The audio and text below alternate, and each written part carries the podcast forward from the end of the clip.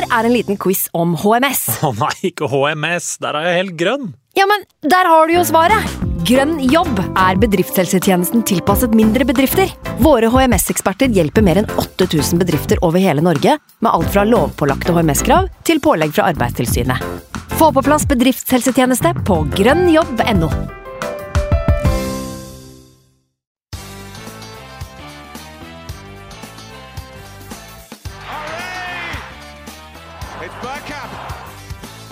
for grabs now!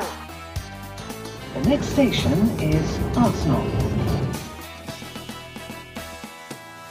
Hjertelig velkommen skal du være til en splitter ny episode av Arsenal Station med Magnus Johansen og meg, Simen Goffeng. Og for anledningen en stamgjest av ypperste merke, nemlig Sivert Skarstein Eriksen. Er dette ekte, gutter, eller er det fantasi? Tre fullt fortjente poeng mot Liverpool, og etter det som har føltes ut som en evighet, må vi nå vel endelig kunne si at Arsenal er tilbake, eller? Får vi, får vi noe her? Er vi, er vi tilbake? Gjesten må kanskje ta den, eller? Ettersom han eh, sikkert har mye på hjertet etter en stund siden sist. Du, øh, når jeg satt og hørte deg lese opp her, så tenkte jeg bare Faen, jeg, jeg, jeg veit ikke hvor jeg skal begynne. Jeg er så glad at øh, det, Altså, det er, det er jeg, jeg, jeg, sitter bare og, og måper og, snak, og snakker tull og stammer når jeg prøver å ytre hvor bra vi er om dagen, liksom.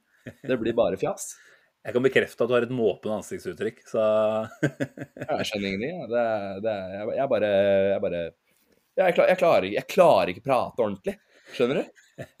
Men kan vi, kan, kan vi oppsummere følelsen vi sitter med, med en lyd, da, istedenfor å prøve å sette ord på det? Altså, det er jo én lyd det har gått, uh, gått uh, Skulle nesten blitt lei av nå, gått inflasjon i den de siste ukene, Magnus.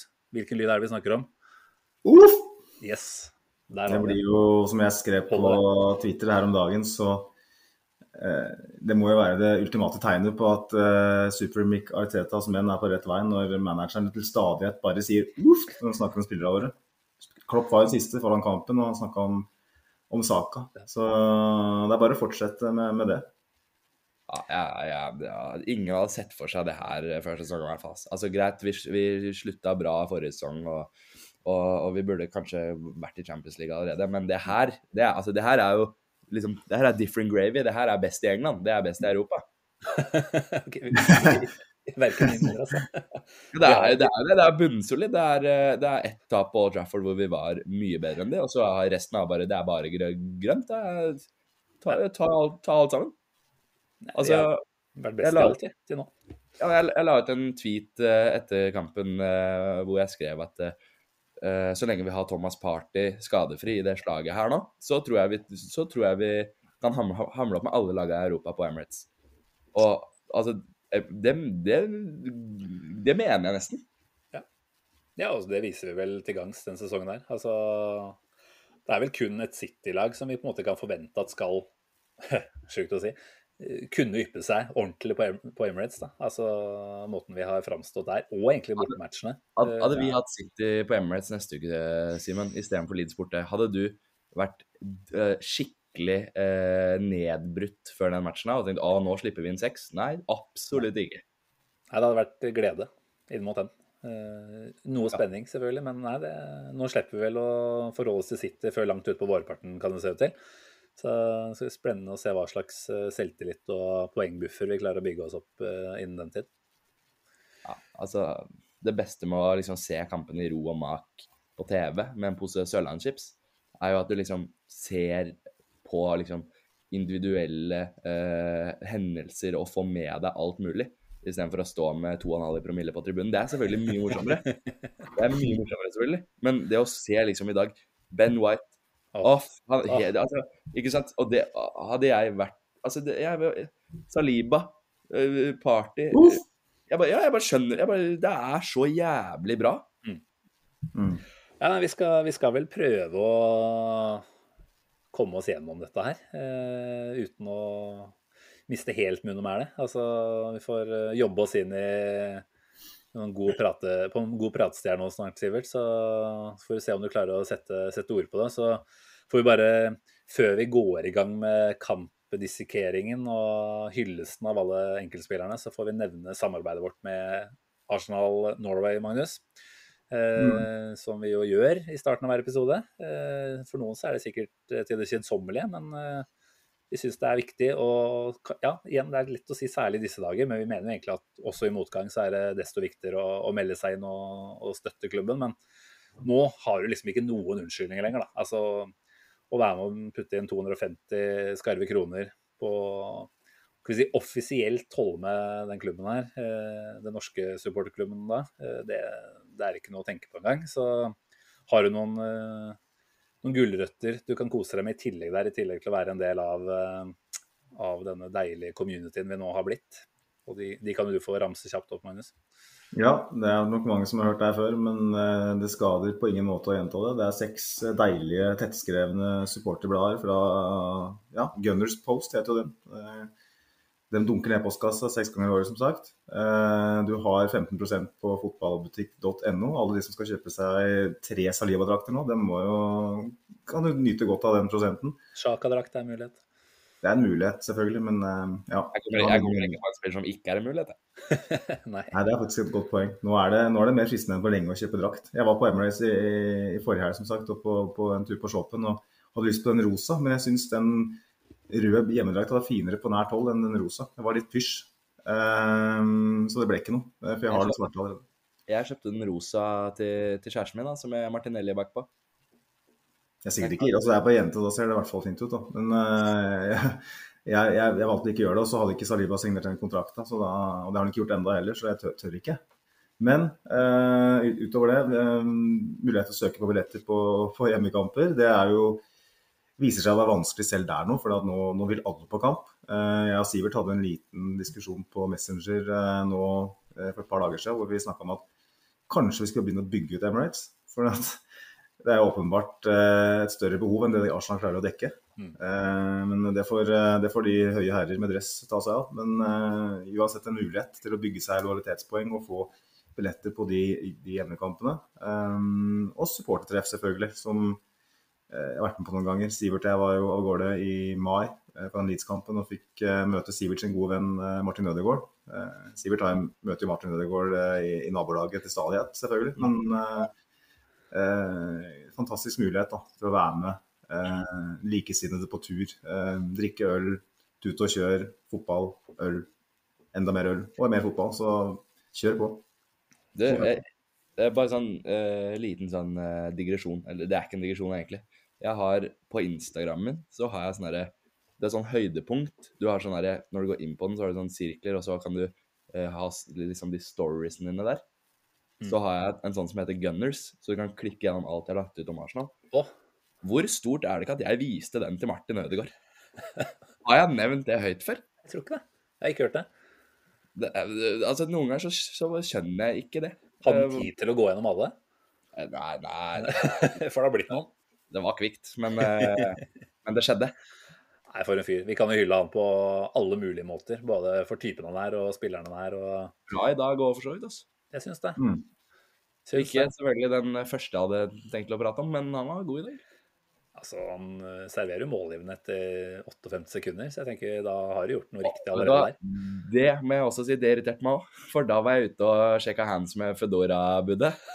Det, eh, det ble en lang, eh, lang kveld i går. Og så jeg skulle ha en, skulle ha en ja, noe, noe, noe kjapt å spise til kampen.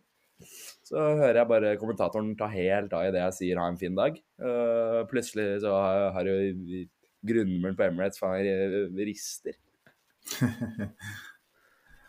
Ja, nei, det var, eh, det var litt av en start. Man hadde ikke rukket røkket å sette seg, egentlig. Um, Det var nesten så jeg tenkte med en gang at det er for tidlig, Arsenal.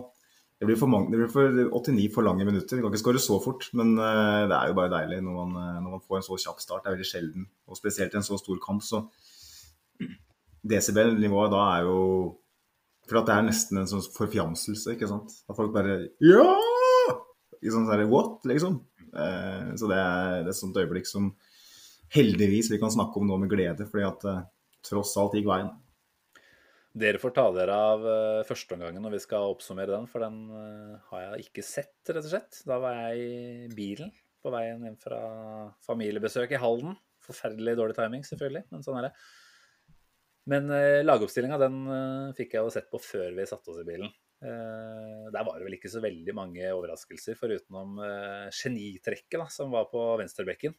Eh, Magnus, hva tenkte du når du så Tomiyasu der? Det var vanskelig å, å, tolke det, fordi at man la jo merke til med en gang at Zinchenko ikke var på benken. Mm. Så kjenner man fysikken til Kieran Tierney etter hvert, så det var veldig uklart for meg om det var en fysisk en, skade, et, en bitte liten skade på Tierney som gjør at han kanskje ikke risikeres, eller om det er en taktisk uh, endring. da. Mm. Vi har jo sett Arteta gjort det her før, med, med Maitland Niles mot uh, både Salah og Mares. Spesielt mot Mares så lyktes man jo veldig godt i, i FA Cup-semifinalen, uh, f.eks. Du setter inn en, en, en bekk med høyre fot på venstrebekken for å spille mot en som er veldig god med å trekke inn og bruke venstre. Uh, og så tenkte jeg samtidig at er det her en Arteta som viser Liverpool litt for mye respekt? Uh, vi leder ligaen, Liverpool er et litt skada dyr. Skal man ikke bare gå for det?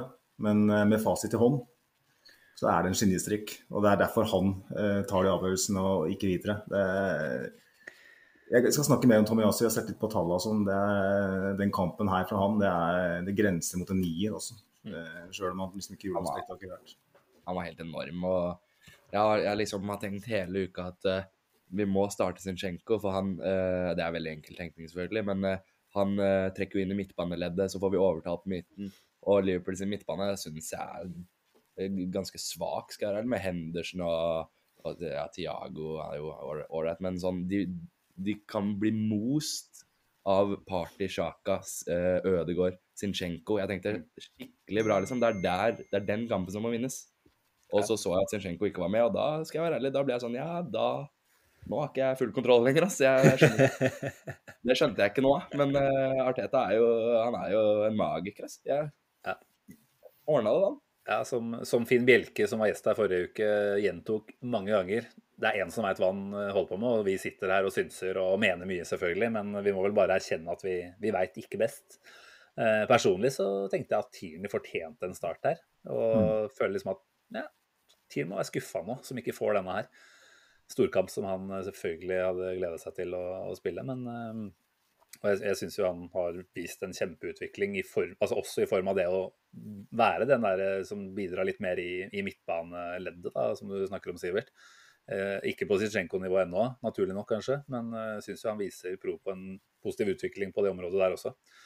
Eh, så Tomiyasu, det var litt sånn, ja, det er defensivt eh, fokus, eh, som du nevner, Magnus. Og da er spørsmålet hva, hva er det vi signaliserer med dette her? Men det vi mm. ser gjennom kampen, eller første gangen sannsynligvis, da, og det var vel bare kvarter eller noe sånt ut i andre gang før Salah hadde fått nok, ble tatt av. Ja. Da ble rett og slett avkledd av Tomiyasu gjennom de minuttene han var på banen. Skal, ta, altså, skal, jeg ta tallene nå, eller med? med? Kan man nevne kjapt at det var første ligastarten hans da, denne sesongen her. Mm. Eh, venstreback, ja han har spilt der før, men det er vel gjerne særlig venstre stopper han har eh, spilt en del på landslaget. Så vi mm. snakker da om det som kanskje er hans tredje posisjon, da, egentlig. Kommer han inn her og ja, Vi må hylle Arteta, men faen, vi må hylle Tomiasi òg. Så ja, kom med tallene med en gang, du. Fyren er jo et defensivt unikum. Uh, beste forsvarsspilleren uh, i klubben, uh, i alle fall før Saliba kom inn i bildet. I dag så har han så vinner han fire hodedueller, som er flest. Det er jo noe vi snakka mye om i fjor. Altså at Han taper ikke hodedueller. Vi vurderte om vi skulle sette opp en sånn fast spalte om Tommy Yasu i lufta. Tommy Meter, det vi kalte det. En Tommy Stokk. Um, tre vellykkede taklinger. Flest av Arsenal-spillerne. Seks klareringer, flest av, flest av alle, sammen med Thomas Party. Flest touch, 66 uh, i dag. Og én støkk egypter i lomma, som også er flest. Det holder for meg, det, for meg, det der, altså, Magnus. ja, det er nesten som man kan si perfekt. Uh, han har flest touch også? Ja, han hadde ikke flest pasninger, men flest touch. da. Uh, det er jo to forskjellige statistikker. Uh, det er verdt å nevne, men uh, for det, jo, vel, det var et par stykker som hadde flere pasninger. Det var ikke snakk om mange, men han er jo der og har klareringer ikke sant? og, og ballgjenvinninger. og Sånn totalt sett så har innflytelsen hans helt, helt enorm i den kampen her. Eh, og som Simen sier, da, eh, kanskje i sin tredje posisjon på banen. Eh, ja, man, man, man, lurer liksom på kan man sette den som keeper, spiss. Det virker som han kan bare spille hvor som helst. Han er bare og Vi husker første kampen hans mot Norwich. Da Han kom rett fra flyet omtrent og rett inn på høyrebekken og var Arsenals kanskje beste spiller i den kampen. Han virker jo umåtelig tilpasningsdyktig. Så, så, når vi sitter med fasit i hånd, uh, kanskje er det en skuffa Kieran Tierney, men at vi fikk vist den tilliten til Tommy Yasse, det syns jeg er godt å tenke på nå. For han kommer til å bli veldig viktig for oss. Ja, i hvert fall nå da, når vi ser at uh, Zinchenko da er det Arteta beskriver som ute med en uh, muskelskade, som kanskje ikke er helt spesifisert. Men uh, det er jo noe som virker å være tilbakevendende. Uh, grattis til oss, som har signert en venstreback som er vel så skadeplaga som Fiorentini. Bra jobba. Nei da, skal ikke ta den nå. Men, men det, ja, jeg tror Tomiasu skal få mange minutter. Og jeg syns det er viktig å hylle den innstillinga han har òg, for det, han har jo på en måte vært ute og snakka et par ganger og kun hylla Ben White for den eh, fantastiske eh, presentasjonen han har gjort i starten av sesongen nå. Og egentlig bare snakka seg selv ned om at nei, jeg har ikke vært god nok, jeg må heve nivået mitt. Og så kommer han inn med dette her, da. Som du sier, en ja, rolig ni av ti. Jeg høres ikke feil ut. Jeg vet ikke hva han fikk på de forskjellige stedene, men uh, han blir vel kanskje ikke premiert godt nok med tanke på at vi ikke holder nullen og at han ikke er involvert i skåringer. Men uh, komplett eh, defensiv eh, prestasjon som du, som du, lister opp her? Altså, jeg ser ekstremt mye fotball. Uh, og, det, og, jeg spiller Fifa og FM. Og jeg, altså, jeg tenker og leser og ser og gjør fotball hele tida. Men hadde dere hørt om Takahiro Tomiyasu før vi bare henta han for hva da? 18 millioner pund, 13 millioner pund? Hadde dere hørt om karen? Jeg hadde hørt at han var linka til Tottenham ja, hele den sommeren. Det var det eneste. Og da kunne du ikke være noe særlig god. vi henter de gutta liksom. Bologna, litt av turen etter Bologna der, og så fjerdedivisjon i Brasil henter man of the match i dag. Ja, så sykt. Det, det, er, det, er, det, der, det, sitter et par stykker eh, litt høyt oppe i Arsenal som som Veit hva de driver med? Jeg, jeg, tror, tror kanskje de, de veit hva de driver med. Det kan tyde på det.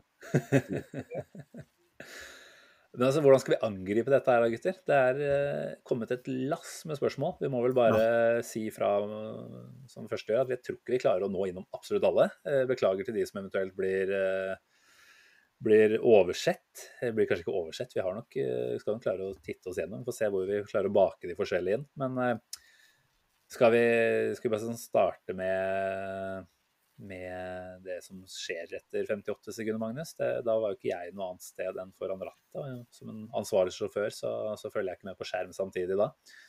Eh, mm. Vi går ut i 100 sannsynligvis, da. Eh, jeg, jeg, var ute og henta mat, så den er for Magnus. den må du ta, Magnus.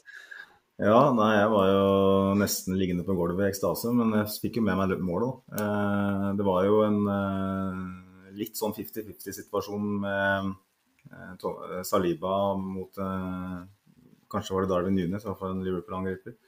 Var litt grann tur, og så får han pirka ballen fram til eh, noen. Noen slår en eh, ball ut til eh, Bukayo Saka, og Liverpool har da litt tellefeil og litt for mange spillere sentralt, så han får lov til å løpe og forsere ganske mange meter. Og en 20-åring, eh, er det ikke? Han er blitt 21, eh, Saka nå? Eh, mulig at han er 20 fortsatt. Jeg tror han er 20.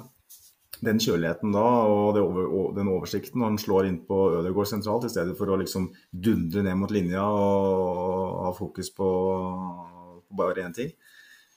Fantastisk eh, bra vurdert. Og Martin Ødegaard som eh, ja, er i ferd med å nærme seg nivået sitt igjen nå, etter et par litt sånn halvveismatcher gjør det han er best på, nemlig det å ta imot ball med en plan. Eh, ha oversikt, slå eh, den, den pasningen akkurat eh, på rett tidspunkt. Og hvor Martinelli da, som Klopp har ufa om i eh, hver eneste pressekonferanse eh, siden Martinelli kom til Arsenal omtrent. Eh, han straffer Trent Alexander Arendal, som har kommet litt for langt inn sentralt. Mm. Ved å rett og slett bare gjøre det enkelt. Og helt, en helt fantastisk kontring. Eh, som nesten fortjente å være avgjørelsen på matchen, på en måte. For det, det, var så vakkert. Eh, så kan vi jo komme inn nærmere inn på andre ting, men akkurat den skåringa, den, eh, den, kommer vi til å huske. Lærebokskåring, det. Og det var vel faktisk Ødegaards første målgivende denne sesongen der òg. Jeg tror det. Kan komme helt i gang i, i den protokollen der, men eh, jeg tipper det blir mange flere av de nå som, eh, nå som han har disse løpa foran seg. Altså Saka, Martinelli og Jesus. Det er jo bare å fòre, så, så blir det, blir det skåringer. hva hva tenkte jeg på da jeg tok ut eh, Martinelli på Fantasy for to dager siden?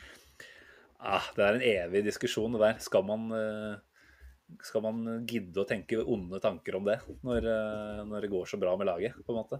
Fantasy er farlige greier, altså. Ja, men jeg burde jo skjønt at Wilfred Saha ikke er en bedre fotballspiller uansett. Ja, det er for- fortjent straff for din del, det der. Det er jo håpløst. Men vi kan jo, vi kan jo ta Det blir jo Vi kan jo snakke om enkeltspillere etter hvert òg, men det var jo en, eh, en voksen kamp av Martinelli her. Så også, Klassespiller, altså. ja, i de, jeg skrev på Twitter òg, for de som følger meg der, at uh, jeg føler at han i de toppkampene så har vært veldig mye nesten. Syns veldig synd på når den skåringa mot United ble, ble annullert uh, for uh, småting på midten. For det var liksom kanskje kunne ha øyeblikket som virkelig tente gnisten for Martinelli. Da. For han føler at i toppkampene så har han liksom og mange ganger mot Liverpool òg, syns jeg, hatt tilløp, vært kjempegod, og så har liksom ikke sittet helt på den siste pasningen, siste rett foran mål. Og i dag så, så gjorde det det. Eh, I dag satt valga, i dag satt eh, kjøligheten oppi topplokket. Og um, kanskje kan det her være et, et slags gjennombrudd da, for, eh, for Martinelli. Da tenker jeg ikke nødvendigvis på et gjennombrudd på, på Premier League-nivå, men kanskje et gjennombrudd på hakket over. da, Toppmatcher i Premier League, som er på en måte der du skiller Clinton fra Veten. Kan han være en ener i de kampene her? Potensialet er det definitivt. Han er 21 år. Det er altfor tidlig å begynne å, å mene at det ikke kan skje, eller kan skje, for så vidt. Men for meg så var det her endelig, endelig så er Martinelli den store spilleren i en, en sånn kamp. For det, jeg tror han har potensial til å kunne være det i, i veldig mange kamper av det kaliberet her. Han er kanskje den spilleren på laget som har mest sånn Jeg får mest sånn storkampvibber av. En som kan finne på noe litt på egen hånd, som har en X-faktor. Alexis-vibbene de dukker opp for fullt, de her. Ja, men jeg satt akkurat og tenkte på det, Simen, at uh, han minner meg mer og mer om Alexis. Altså. Han gjør faktisk det. Mm. Så skal det jo også nevnes, Magnus, at uh, han hadde vel en som ikke akkurat var uh, ferdigskåra på Stamford Bridge òg. Ja, det, det skal, du skal, få for den. Men eh, da vant vi ikke. I dag vant vi. I dag var han uh, helten, på en måte. Den gangen var han helt da, for all del. Men eh, Enig med det. jeg føler at Martinelli, han, når han kom til klubben, så, så skåra han jo på alt. Mm. Da hadde han jo avslutningsteknikk og alt som bare tenkte at det her er jo helt unaturlig. Og så var det akkurat som skuldrene hans vokste oppover mot øra. Eh, Så det ble litt tyngre. Moria og, og Molde og sånn, ikke sant. Så det er nå han virkelig har blitt liksom en altså, europeisk toppklasseving. Mm. Jeg er helt enig. Nydelig start, da. Og jeg vet, jeg vet ikke om vi la oss bakpå, men det er vel kanskje rimelig å anta at Liverpool fikk eh, mer og mer kontroll utover i den eh, første omgangen. Jeg vet ikke om vi hadde noen store muligheter til å gå opp i 2-0, jeg. Var ikke det? Nei. Nei. Ikke Ikke med det sånn. ansiktsuttrykket der. Ser ikke sånn ut. Spørsmål. Liverpool starta jo med altså fire angrepsspillere. Eh, Yota, Sala, eh, Diaz og Firmino, selvfølgelig. Firmi, eh, ja, en kar til. Eh, hvis noen sa nå til, til deg eh, Vi tar Martinelli, og så kan du få hvem du vil fra den angrepsrekka her. Hadde, hadde dere tatt noen? Hadde dere bytta han ut med noen? Nope. Tror ikke det? Nei, jeg hadde ikke det. Sala, ikke er, Sala er ferdig. Jota er ikke bedre. Luis Diaz er en eh, billig versjon. En såkalt First Price-versjon av Martinelli. Jeg mener det helt oppriktig og ærlig at eh, hadde, hadde jeg fått valget, vil du ha byttet Martinelli med Luis Diaz, liksom, så hadde jeg sagt hva, hva er det du driver og babler om? Han er Jeg tror Klopp hadde bytta. om han hadde, Han, Ja. Han drømmer jo om Martinelli om natta. Nei, jeg er litt mer på gjerdet der, ja, altså, men uh, jeg kjøper poenget. Definitivt. Ja. Uh, det her er veldig lovende takter fra Martinelli, som, uh, som jeg venta litt på. Og nå, den sesongstarten her, og, og kroner det med den uh, prestasjonen her, så begynner man å tenke at uh, tiden er inne. Ja, og, det, og du hører intervjuet liksom hvor godt han har lært seg engelsk. Han snakker jo perfekt engelsk, og det virker bare som han liksom elsker å være i Arsenal. Det skinte gjennom i den der dokument uh, All or Nothing også, når, uh, når, han var på sånn møte med du og måten familien hans var i London og det, han, han, tror jeg blir en stund, for å si det sånn. Han tror jeg elsker det som skjer nå. Mm. Ja, det er jo en brasiliansk gjeng da, som uh, sannsynligvis er her i i hvert fall fristende å si tre-fire år. Så får man jo se hvor laget og klubben er da. Men med det som Ja, nå skal vi ikke snakke altfor store ord, kanskje, men uh, det er vanskelig å si noe annet enn at det føles ut som starten på en ganske stor periode, med tanke på alders Ja, gjennomsnittsalderen på de fleste her, og, og at vi ikke er i nærheten av taket ennå, da. Så jeg tror Arsenal er the place to be framover. London beste city in the world og hele pakka. Så vanskelig å se for seg at det er så mye annet som er mer fristende. Det blir overskygga av Sala i dag, bare for å ta, for å ta med et Twitter-innspill fra Jon A. Pettersen. Han skriver 'spilte Sala i dag'? Det er spørsmålet. Den var fin i, det, i den forbindelse, men, men, men helt ærlig, altså, da jeg kom inn og så fra andre omgang, så tror jeg vel nesten ikke jeg så Sala eh, før han ble tatt av. Faktisk. Det var, var ikke noe eh, han kom med. Trent også var jo så svimmel at han måtte bare ha han. ja, det var uh, helt merkelig å se på, men jeg syns ikke han som kom inn gjorde noe bedre heller. Så jeg, jeg tror ikke det er noen høyrebekk som hadde, hadde, hatt det enkelt i dag uansett, mindre Tommy Asfald spilte han. Men heller vi spiller han for oss. Så kan også bruke dobbelt så mye penger som vi brukte på eh, Jesus, og få en som ikke kan offside-regelen. Det er jo også interessant. ja, skal vi snakke om, uh, snakke om det baklengsmålet der, eller? Uh, altså 1-1. Da er det vel en Er det Darwin som ligger i offside? Som, så vidt jeg kan se når jeg ser reprisen, påvirker Gabriel. Altså, Gabriel går jo ikke etter den ballen eh, hvis ikke Nones er der. Jeg syns det er litt merkelig at det ikke blir blåst der, men eh, bare for å få det uh, ut av veien med en gang, så syns jeg vi var heldige i dag. Jeg syns ja. uh, Liverpool skulle ha straffe, og jeg syns ikke vi skulle ha straffe, men, men det driter jeg i. altså, det, det, må jeg få sagt at det, mm. det tenker jeg ikke noe på. Men det må jo være sagt at jeg tror ikke det er dommeravgjørelsene vi skal klage på i, da. Nei, det er endelig en endelig hevn fra 2008 her på Champions League-dobbeltoppgjøret. Det er faen meg på tide. Men uh, vi kan jo altså, La oss ikke ha så mye negativt fokus, men uh, det er jo noe vi kanskje må touche innom, for nå begynner vi å se at det har gjentatt seg noen ganger. Altså en Gabriel som er litt teit i toppen, som Espen Berg mm. sier. Blir fort het i toppen, virker det som. Det er flere også som, som, påpeker det. Gabriel skriver Thomas Lund. selv om vi er i syvende himmel om dagen, bør vi vurdere holding eventuelt, og flytte White tilbake på stoppeplass. Nei, nei, nei. Eh, flere andre som har eh, snakka om Gabriel også. Um, hva tenker vi? Altså, jeg vet ikke, jeg har ikke telt tabber. Men man ser at han er litt ute å kjøre på den baklengsen, og som du sier, Sivert, han skulle jo hatt en straffe imot der. Det var merkelig altså, jeg, at han ikke ble tatt. Jeg kan godt plukke opp den, uh, fordi det her mener jeg er ganske Eh, ganske Altså, Gabriel er ganske set and forget for Arteta. Jeg tror han er eh, blant de første han skriver opp. Han starta nå i midtgangen mot eh, Bodø også, så ble de andre vilt. Mm.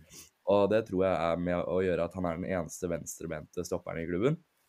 Og i det systemet til Arteta, eller egentlig nesten i fotball generelt, altså, så må du ha på venstre stopper, så må du ha en stopper som er klasse med. Mm.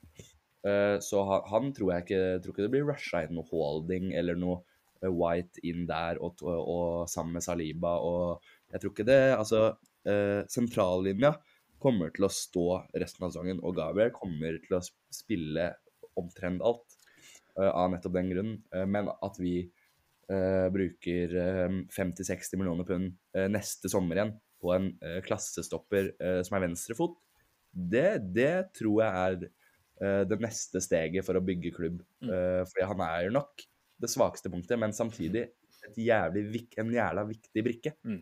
Mm. Så å rokke ved det, det blir helt feil, og det tror jeg, det tror jeg ikke er et alternativ. altså Uansett om han hadde lagd to straffer i dag. Mm. Nei, for Han bidrar jo så mye i andre faser av spillet og distribueringa. Jeg vet ikke hvordan de tallene ser ut, Magnus, men sånn øyetestmessig så ser det ganske bra ut. Eh, og han er med å få mm. fart på ballen, rett og slett. Og den venstrefoten hans gjør det mulig. Så per i dag så, så, klarer jeg liksom ikke helt å se det heller, at man skal drive og flytte for mye rundt. Eh, selvfølgelig kan det være fristende å tenke at det kunne blitt enda bedre med Ben White. Men du fjerner jo ikke Ben White fra høyrebekken, og så fjerner du ikke han fra høyrebekken sånn som han spiller der. ikke sant? Altså, Ligaens beste høyrebekk nå, kanskje sammen med Reece James. Ja, Skal du plutselig inn og ha to ørebente stoppere, så blir det helt annet dynamikk i hele laget. Det går jo ikke i det hele tatt. Eh, så det er, det er ikke helt Alternativet er jo Tomiyasu, da, som er god med begge bein. Men, uh, det blir jo bare, det blir bare Nei, Gabriel tror jeg helt seriøst blir satt opp på blokka før, uh, før Saliba, liksom. Har vært etter. Ja, det, det kan godt hende det. altså. Jeg, jeg er veldig enig med resonnementet her. Um, man tar ikke ut Gabriel nå, men uh, ja. Uh, han koster litt for mye eh, til å være en stopper som kan være med på et lag som skal ta steget helt, helt opp, tror jeg. da. Jeg, jeg ville hatt magekrampe hvis han skulle starte en Champions League-finale for, for Arsenal, for da, han, da er det han som kan gjøre den ene feilen. Du ser veldig forskjell på han og Saliba, f.eks. Samtidig så er det viktig å påpeke at han og Saliba funker som par òg. Det å finne et stopperpar som funker sammen, det er gjerne vanskeligere å finne enn å finne en god stopper. Vi har hatt veldig mange gode midtstoppere i Arsenal de siste 15 åra, egentlig. Etter Toré Campbell, da, som var det siste virkelig store stopperparet vi hadde. Er du snill, så tar du med Mertesaker Korselny. Og fellesnevnet er at de har ikke hatt en, en, eh, en partner som utfyller dem, dem, som kan få fram styrkene. Og jeg syns at um, Saliba og Gabriel fyller, an ut uh, ganske så bra, spesielt i måten Tete ønsker å spille på. Og, Det er jo et kjempepoeng som jeg tenker ikke har vært kommunisert nok. Altså, det er ingen garanti for at andre konstellasjoner funker like bra, som du sier. Så jeg tror nok uh, Arteta har uh, landa og er veldig komfortabel med de han har på blokka som de to stopperne. Det er ikke noe, noe så å endre på. Mm. Unnskyld, men Gabriel er født i 98, er han ikke? Mulig? Ja, altså, han er altså folk eh, Da er han 24, 25, maks. Han er ikke en dag eldre enn 25, tror jeg. Og du, det er veldig få som er Europas beste stopper når jeg er 25, altså. Bare Saliba. Ja, det, ja, det er Saliba. Og igjen, det, blir, det er litt sånn typisk at vi sant? Nå ser vi at Saliba herjer og er fantastisk god. Og så blir det en sånn der merkelig trang da, til å liksom da sammenligne, som vi jo alltid gjør. Og så er det klart at en Gabriel kanskje ikke når Saliba opp til eh, toppen på alle punkter, men han gjør jo så mye bra også. Så da tenker jeg at vi skal være brukbart fornøyde med det vi får av totalen da, med Saliba og Gabriel i disse dager. Og så, så får vi jo bare se. Skader vil oppstå, øh, suspensjoner vil dukke opp. ikke sant? Så det kommer nok helt sikkert til å bli for de som ønsker det, da, mulig å se både en White og Holding kanskje, og en, eh, en Tomiasu inn på den andre stoppeplassen der. Men eh, altså, vi har vunnet åtte av ni matcher. Vi ser kjempebra ut. Da, da trenger vi ikke overtenke. Da bare lar vi det fortsette i samme tralten. Nei, Jeg er enig. Altså, jeg blir ikke overraska hvis eh, Gabriel starter eh, Starter mot Bodø nå på torsdag, Nei. og starter igjen mot Leeds borte. Han er, han er dritviktig, liksom, rett og slett. Ja, ikke sant? Han viser en evne til å, til å være tilgjengelig hele veien også. Litt Chaka-vibber over der, ikke sant. Og da, da er han en, eh, en fyr Arteta har tillit til eh, på den måten. Og, så ja, det er noen, små, noen smågreier her og der, men Arteta har vel kommunisert ganske tydelig rundt akkurat dette tidligere. at tabber det, og at folk driter seg ut og gjør feil, det, det aksepterer han. Det handler om å tørre å prøve. Eh, Så er det selvfølgelig et par av disse feilene han kanskje har gjort som ikke er sånne typiske tørre å prøve-feil, men heller litt eh, klønete greier. Men jeg tror han har muligheter for å vokse av seg. Og, og har han ikke gjort det, så er det kanskje 50-60 millioner på en uh, oppgradering til sommeren da, som blir uh, neste skritt for den klubben her. Uh, ja. men eh, vi har mye trykk på oss da, gjennom andre halvdel av første gangen, leser jeg om. Og syns jo det er verdt å nevne at det er vel kanskje første gang denne sesongen her at denne gjengen står imot et sånt trykk. Eh, vi har jo stort sett dominert de fleste matcher. eh, I hvert fall ikke blitt dominert eh, over såpass lange perioder. Jeg så var det 38-62 i ball possession etter første omgangen. Og det er klart at, at vi da på en måte tåler at Liverpool er såpass dominerende, det syns jeg også er enda et skritt da, som viser at den gjengen her har tatt, tatt i retning av å bli ordentlig seriøse eh, og blitt tatt seriøst. Altså de tåler det og mister ikke huet. Istedenfor så Så går man opp og kontrer da rett og slett inn uh, nytt ledermål rett før pause. Uh, vet at vi har en fantastisk uh, styrke der. Eh, vet at Liverpool er litt, eh, litt eh, vaklevorne bakover. Eh, ta oss gjennom kontringa, Sivert. Eh, jeg leser at det er noe av det bedre man kan gjøre ut ifra kontringslærebboka. Er du enig? Ja, det Ja. Det var, det var klasse, rett og slett, til Mainz. Jeg vet ikke åssen man Jeg syns du er mye bedre enn meg på å tegne bilder av Der er han bedre enn de fleste, Sivert, Ja. så det skal du ikke føle på. Men, eh, men eh, nei, vi kan godt eh, sende stafettpinnen over til Magnus. Nei, altså For det første så trodde jeg jo at jeg, jeg ble jo sjokkert når det var lagt til fem minutter. Det syns jeg var lenge. Og så tenkte jeg å, nå skal Liverpool få fem minutter på å trykke på. Det går jo som det går, det. Nei, men så er det jo bing bang bosh, og så og Det er ikke noe offside. Alle løp tima til perfeksjon. Ja, når jeg ser Saka stå og folde hender der, så blir jeg nesten emosjonell. Jeg, da. jeg blir rørt, jeg, da, nesten. Ja, ja. Nydelig. og så forresten nå, så tenkte jeg også på den skåringa at de der når vi scorer på Emirates, de der som løfter de flagga på Northbank og klokken med én gang, det går på sekundene, liksom, så går de flagga opp. De fortjener snart en lønnsøkning. Altså. Fire-fem ganger hver match. Ja, det er mye løfting. Ja. Det er gratis trening. Det var jo litt eh, merkelig å se at den uh, ballen fra Martinelli fikk trille hele veien gjennom der. Det er jo ikke perfekt uh, forsvarsspill av Liverpool, men jeg blir så imponert over Martinelli allikevel, som for et år siden, to år siden ville ha kanskje bare trukket av sjøl. Kanskje gått bare ned til venstre mot linja. I stedet så stopper han opp, tar et par overhopp, par steg. Så venter han til rette øyeblikk slipper ballen. Jeg trodde faktisk han gikk seg fast der, jeg, men eh, jeg har ikke peiling, åpenbart. Altså, Kan vi snakke om den uh, vendinga, eller hva vi skal kalle det? eller? Altså, Han har vel både Henderson og Trent eh, veldig tett på seg der. Uh, og begge er jo plutselig to-tre meter av gårde når han har stoppa ballen der. Og gir seg selv alle, all mulig tid egentlig da, til å ta et godt valg. Eh, Så ikke sant, Det er både den kombinasjonen av at han, han er så ekstremt effektiv i bevegelsene sine, og som du sier, Magnus, i tillegg klarer han å holde huet kaldt og, og velge riktig, riktig løsning. Jeg vet ikke om han sikter på Gabriel, eh, som er med fra, fra stoppeposisjon og opp der. er også en nydelig variant. da.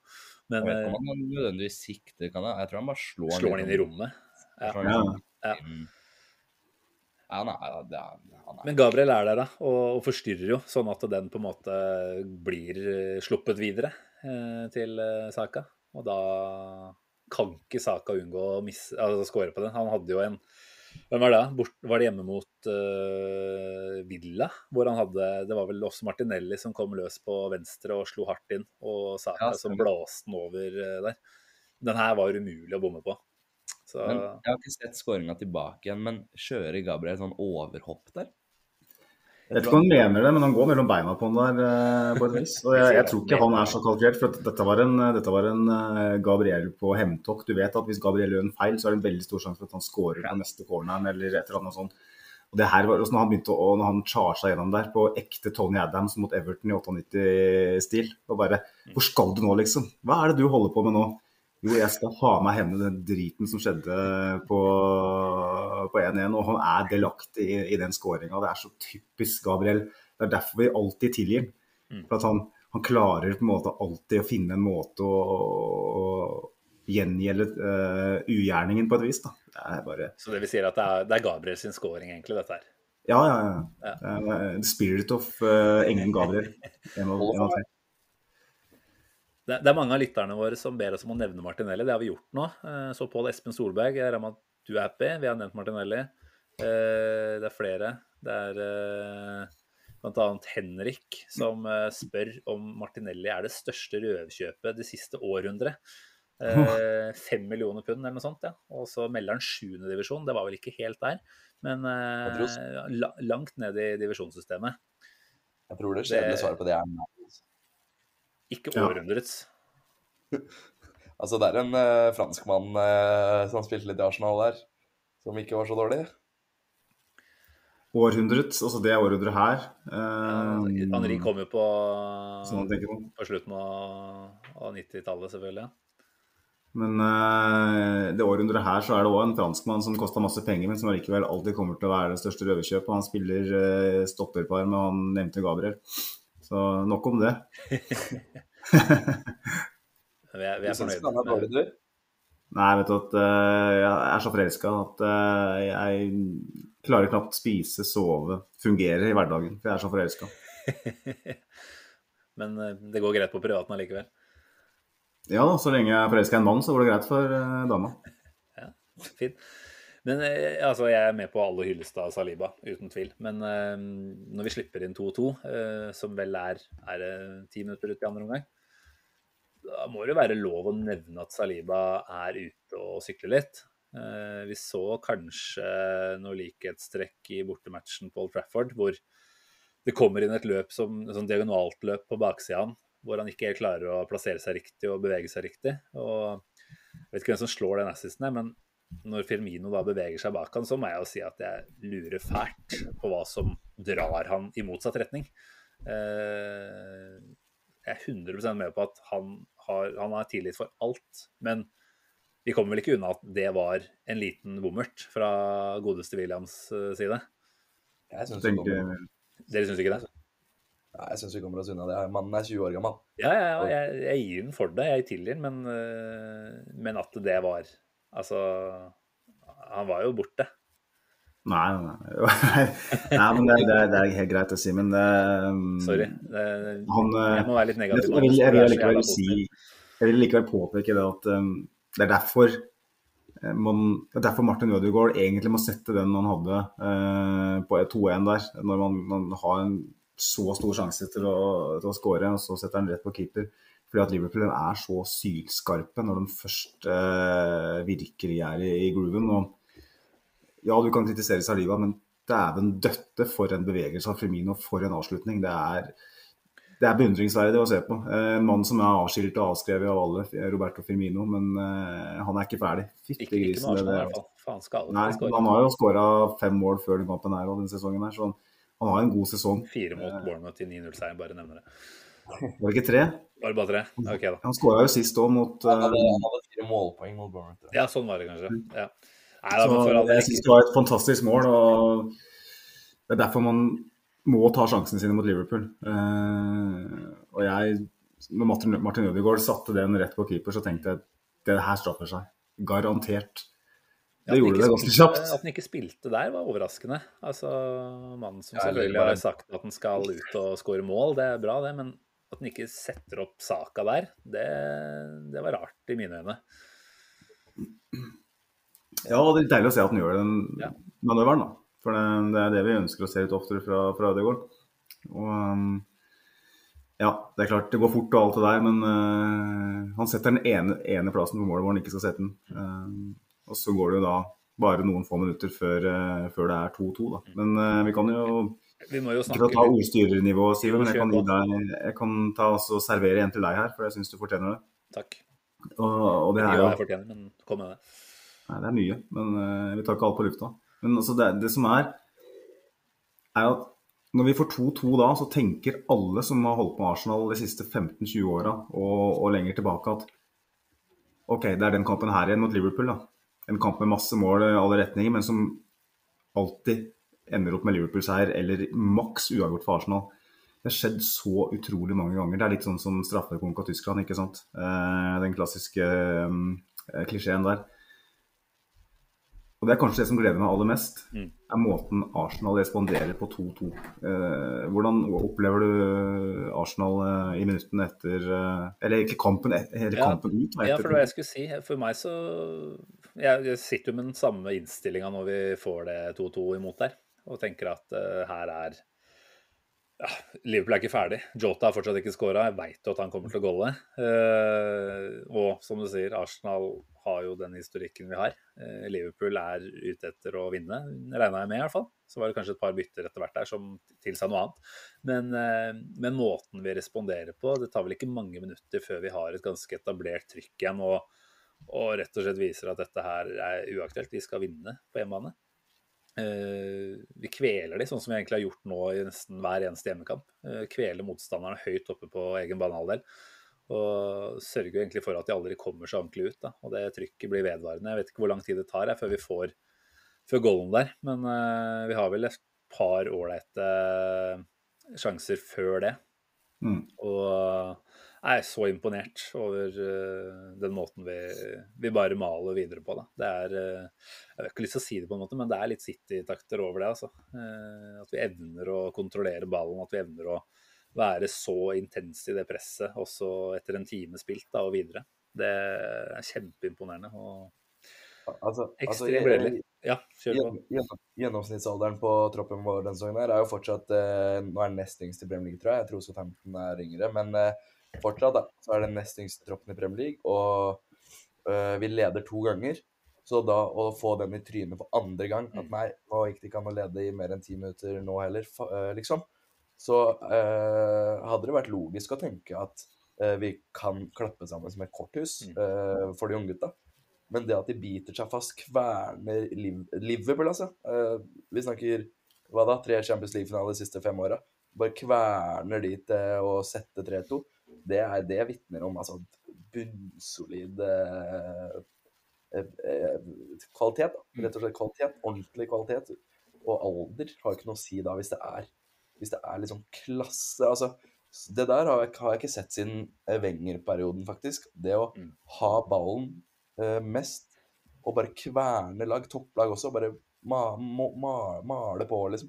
Det er mange år siden vi har sett, altså. Ja, så sier det jo litt om uh, hva den gjengen her er ute etter, da.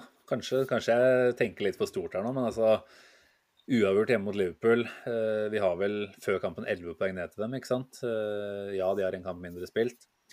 Men vi kunne på mange måter ha tenkt ok, det, det tar vi. Det er vi fornøyd med. Men den gjengen her skal ha mer, og den skal ta tilbake tabelltoppen. Altså, det virker som det er noe de snakker om nå. da. Altså, Arteta har liksom prata om et par pressekonferanser om at det er deilig å være tilbake på tabelltoppen etter en, endt runde. da.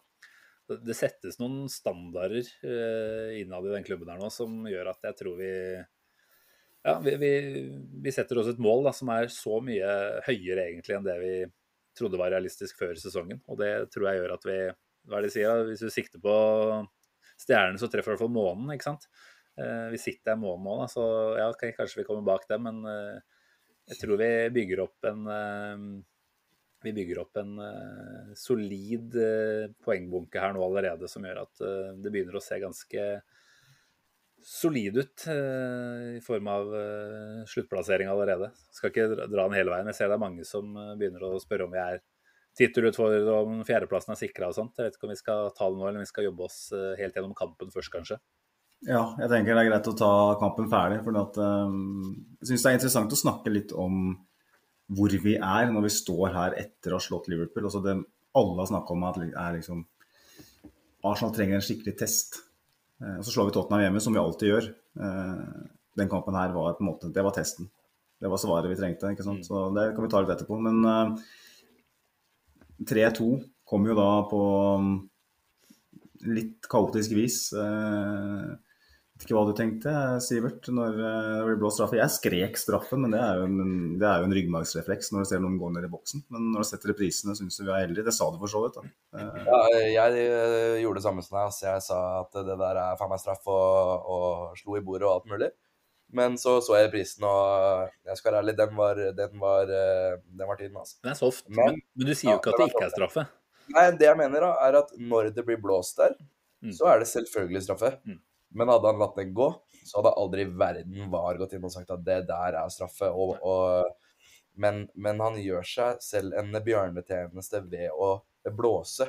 Han burde bare latt den gå, selvfølgelig. For, og da hadde det ikke vært noe straffespark. Såpass, såpass ærlig må vi være, gutter.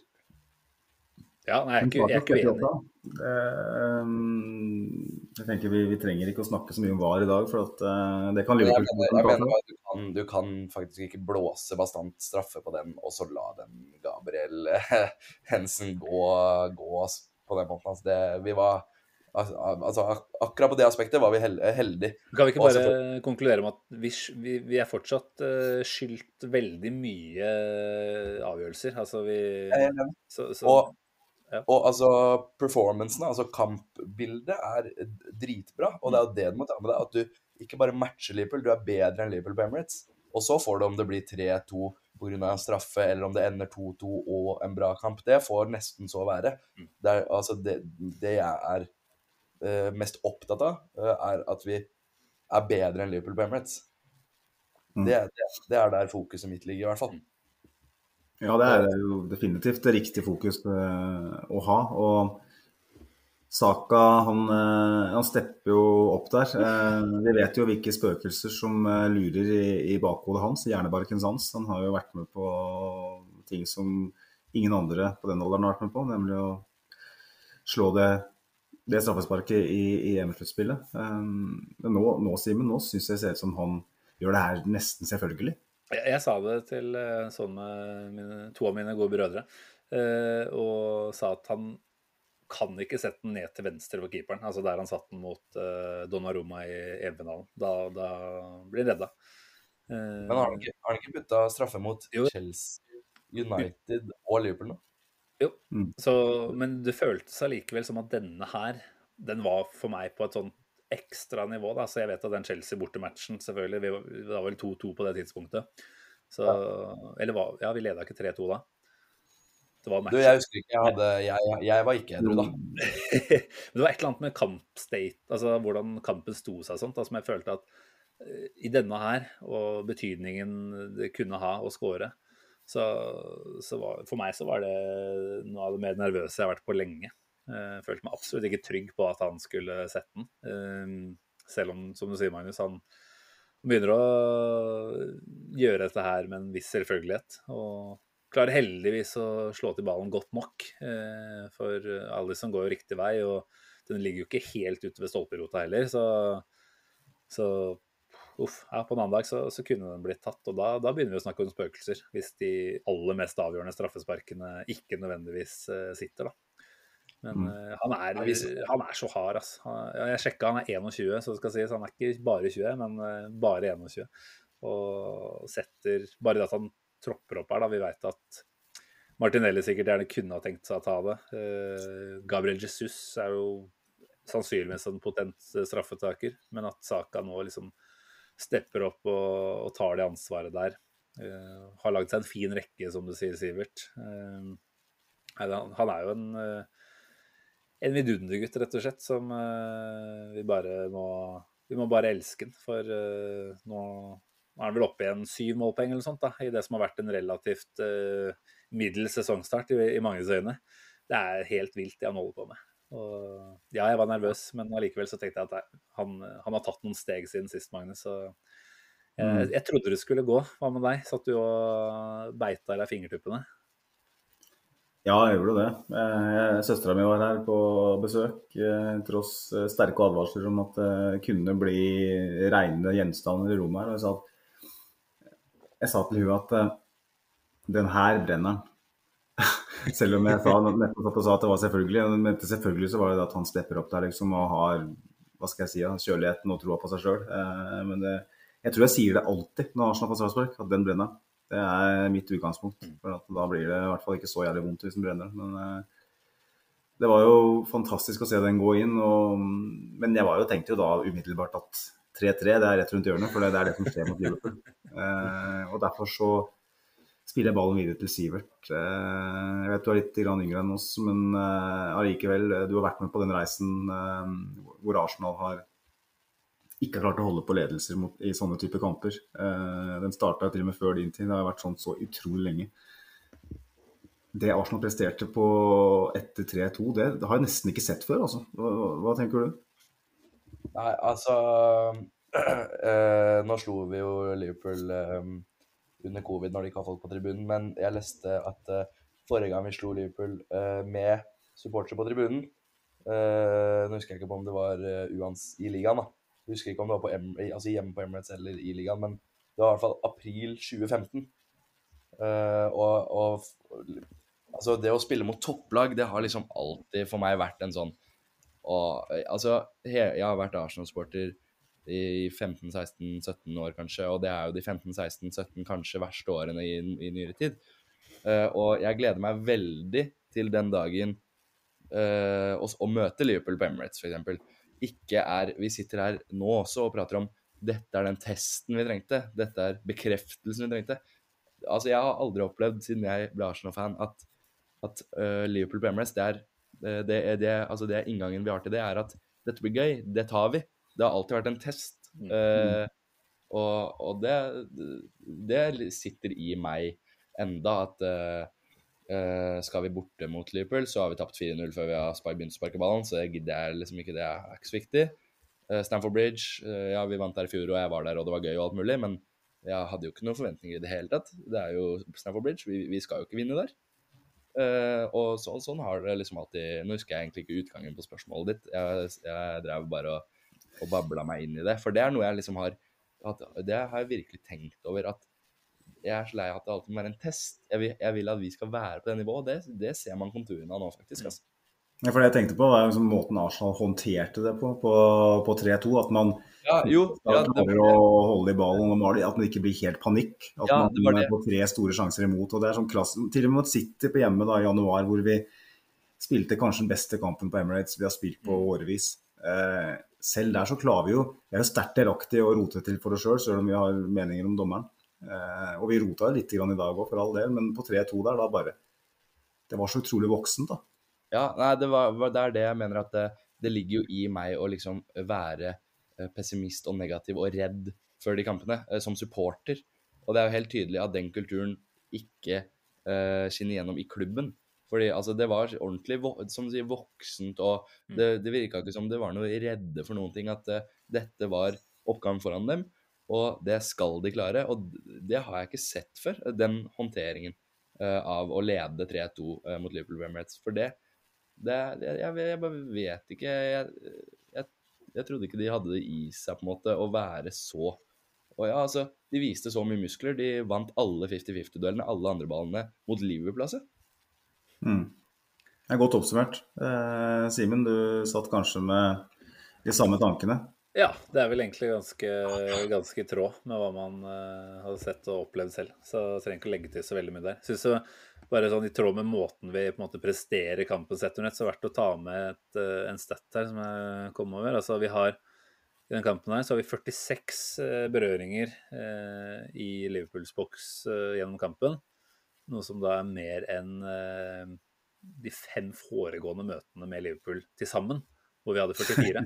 altså Det sier jo litt om uh, de stegene vi har tatt. da. Altså Ja, det er hjemmebane, men vi har blitt utspilt av Liverpool på hjemmebane og ikke vært i nærheten.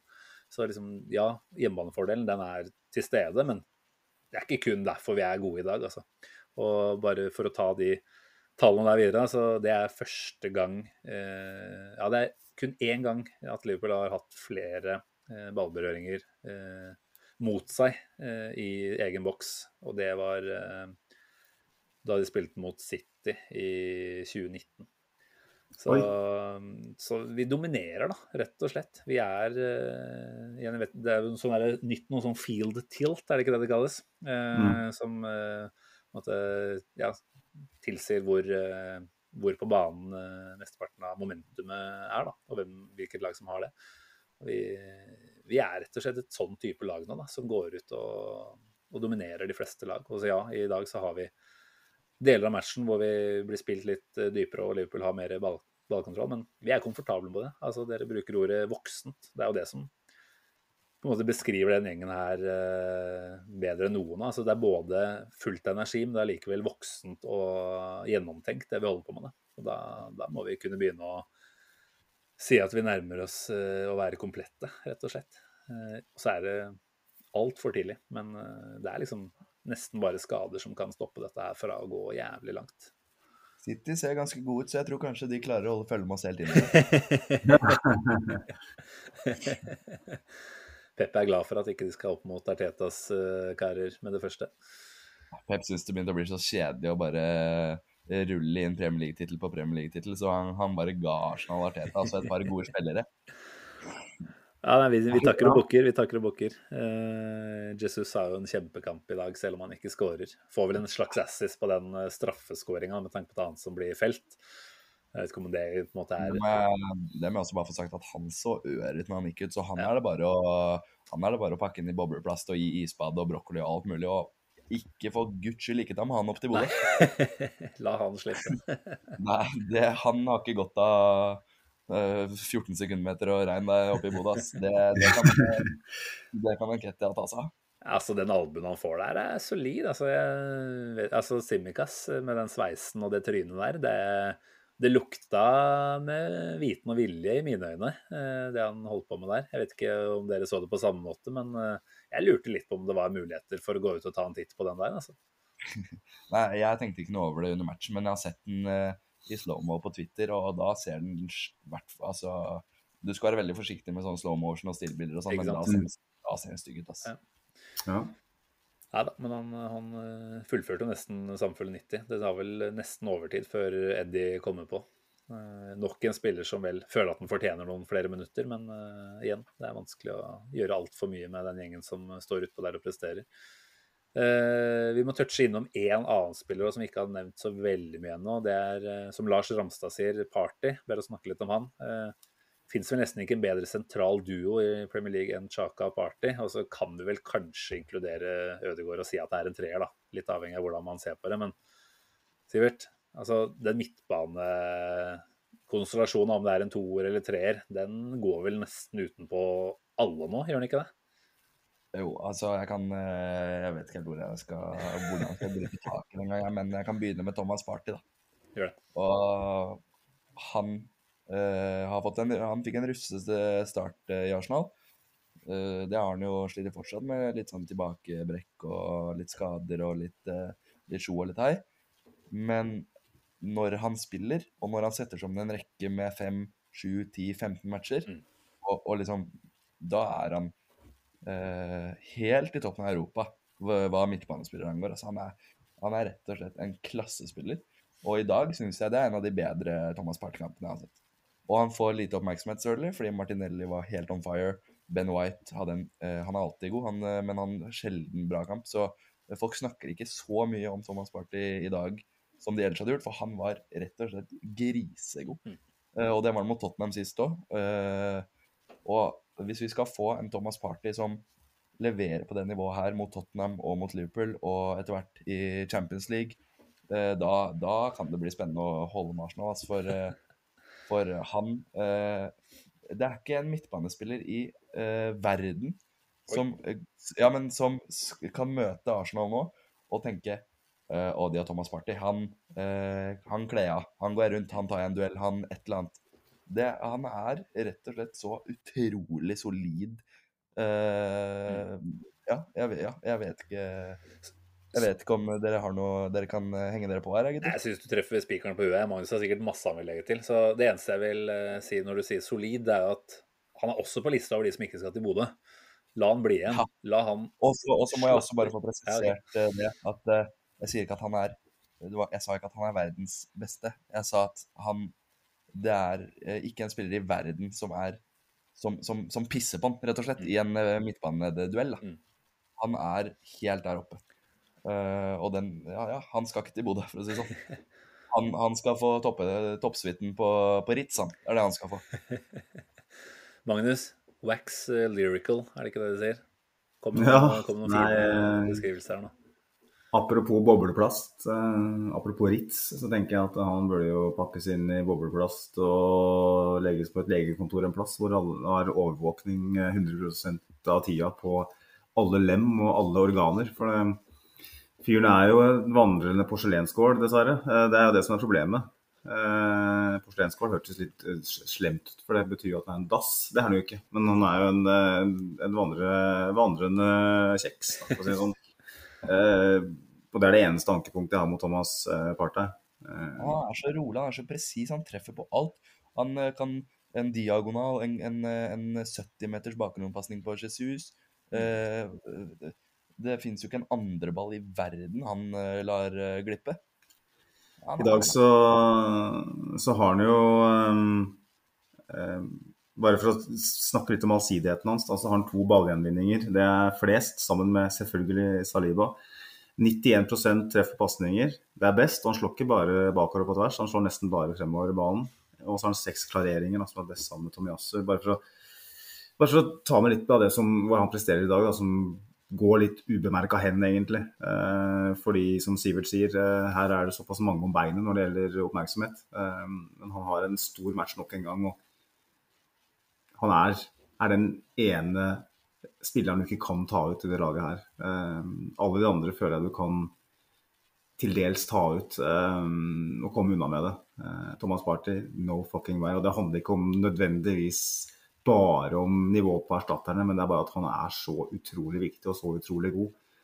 Det er, det er min store frykt denne sesongen her. Uh, for nå syns jeg at Arsenal er vi, vi, vi viser gullform. Det kan ingen bestride. Eneste grunn til at vi ikke er gullkandidater sånn i, i folks øyne, det er fordi at det er en statseid, blodkorrupt møkkaklubb med lyseblå drakter som uh, står i veien. Uh, og skulle aldri ha gjort det, selvfølgelig, men med en uh, jærbu som uh, laga av metall som står og hopper og spretter i boksen. Fjern de- de fra ekvasjonen. Fjern, altså, fjern de siste tre-fire sesongene i Premier League hvor Liverpool og City holdt på med ting som ikke har blitt prestert tidligere. Det her er så gullform. Eh, og Thomas Party er den ene brikken som på en måte står mellom oss og den syvende himmel, eh, i tillegg til de klubbene jeg nevner. Altså, jeg, eh, jeg har et veldig distansert forhold til å snakke om ligatittel, og det kommer jeg til å ha i runde 37 også. Jeg bare nevner det ikke, jeg tenker ikke på det. Jeg har ikke godt av det. Men med Thomas Party eh, i elveren, så mener jeg at uh, f.eks. Uh, cupene, som vi møter, eh, så kan vi ta hvem som helst over to kamper eh, med, med han frisk. Og Europaligaen med han eh, frisk, så har vi sjanse mot alle som detter ned der òg. for han i enkeltkamper, som i dag, og som mot Tottenham, så er han rett og slett forskjellen eh, på, på et godt Arsenal eh, og et dårlig Arsenal. Han er, han er dritgod. Mm. Åh, jeg blir, så, jeg, blir så glad av å høre på dere. Dette er, eh, det er musikk i øra mine. Eh, med en viss eh, frykt for at det blir en pause på det, om det er skade eh, som dukker opp. Men Ghana er i VM, eller? Ja, det er de. Ja. Ja, Ja, det er de. dessverre. De ryker i gruppa di, gjør de ikke det? Hadde vært deilig hvis han kunne ligge på Mykonos i tre uker der. Altså. Eh, ja. Men- Nei, men øh, nå er jo kampen eh, et tilbakelatt kapittel, og det sier mine organer eh, hjertelig takk for. Eh, for at det var et- noen sekunder der hvor jeg tenkte at eh, nå dør jeg lykkelig. Men vi må snakke litt om hvor vi er. Vi snakka nettopp om det med gullkamp og alt det der. Også, hvis vi nevnte det, gullkamp. Jeg har heller ikke lyst til å ta de orda i min munn sånn ordentlig, for jeg tror, jeg tror det er urealistisk å skulle kjempe mot det City-laget der. De er bare rett og slett for Det er for mye kvalitet. Um, Kan du nevne men, eh, ja, du har kanskje noen lytterinnspill eh, her, eller Magnus? det har jeg ikke, så det kan du ta, egentlig. Nei, For jeg er litt dårlig på det nå, kjenne. Ja, det SoMe-ansvarlig tar tidlig kvelden i dag, men det er greit. Eh, det er jo mange som lurer litt på hvor, hvor langt dette kan nå, ikke sant. Eh, vi har en eh, Jonah Pettersen som sier, eh, eller spør, det er lov å håpe nå, eller? Og så kan vi jo la det ligge litt i lufta hva det er vi kan håpe på. Eh, mens eh, Fleskspurven, hei Fleskspurven, eh, spør er vi favoritt til sølvet nå. Det er ikke så halvdumt å foreslå det. Mm. Mens William Gustafsson har et innspill, og det er at han håper alle sitter rolig i båten foreløpig. Eh, vi klarer jo ikke det. Ikke helt. Eh, Men, og vi, og vi ikke skal nevne gull, så er det vel eh, mulig å følge Fleskspurvens eh, antydning om at vi kanskje er en favoritt til andreplassen.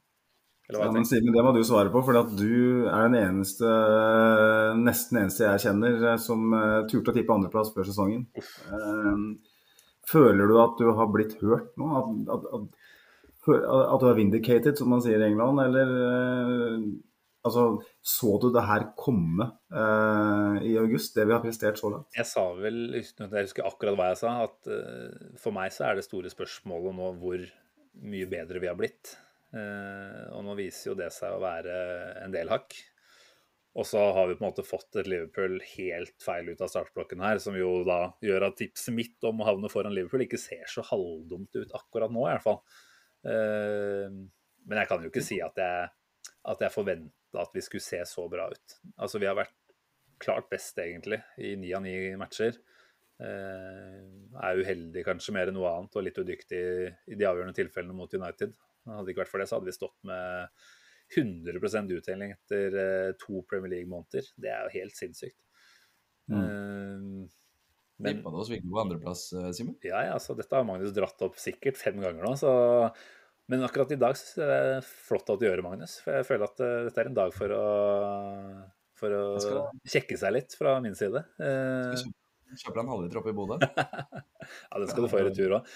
Men eh, nei, altså Hvis vi skal ta den sammenligna med Liverpool, så var det jo det at de, de mista Mané, og det ser ut til å ha mista mye med han. Salah er vel ikke på samme nivå. Det kan vi jo slå fast nå, egentlig.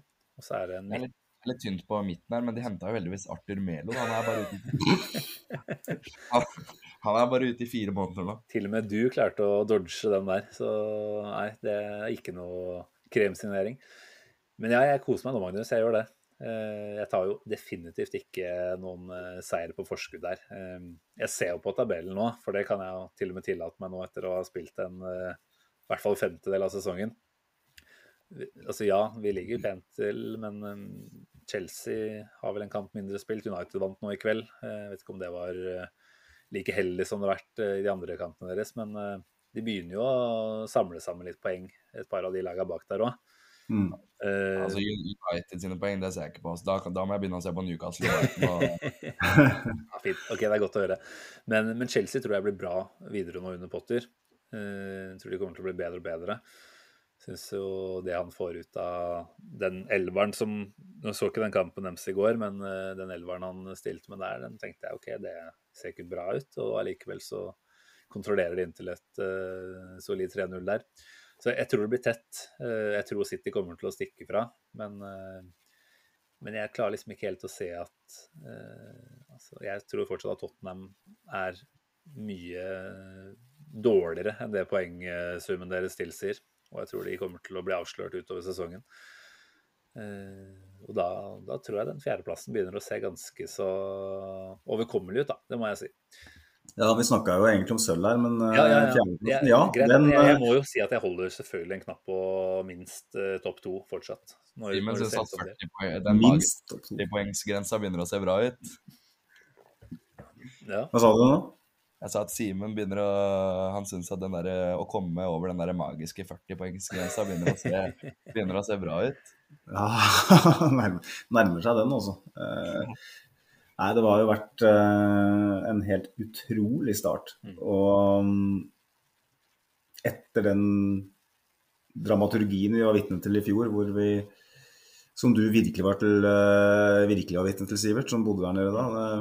hvor vi på en måte virkelig trodde topp fire var eh, nesten i boks, og så kommer den kalde, kjente Arsenal-kollapsen som vi har blitt kjent med de siste åra. At vi klarer liksom ikke det, klarer ikke å stå distansen helt. Da. Eh, Så da begynte de kritiske røstene å, å, sirkulere igjen. Eh, Men ja, bare for å ta det, da. Jeg satt litt på tallene fra 2019-20-sesongen. Bare for å snakke litt om hvor langt vi har kommet som fotballklubb og som lag.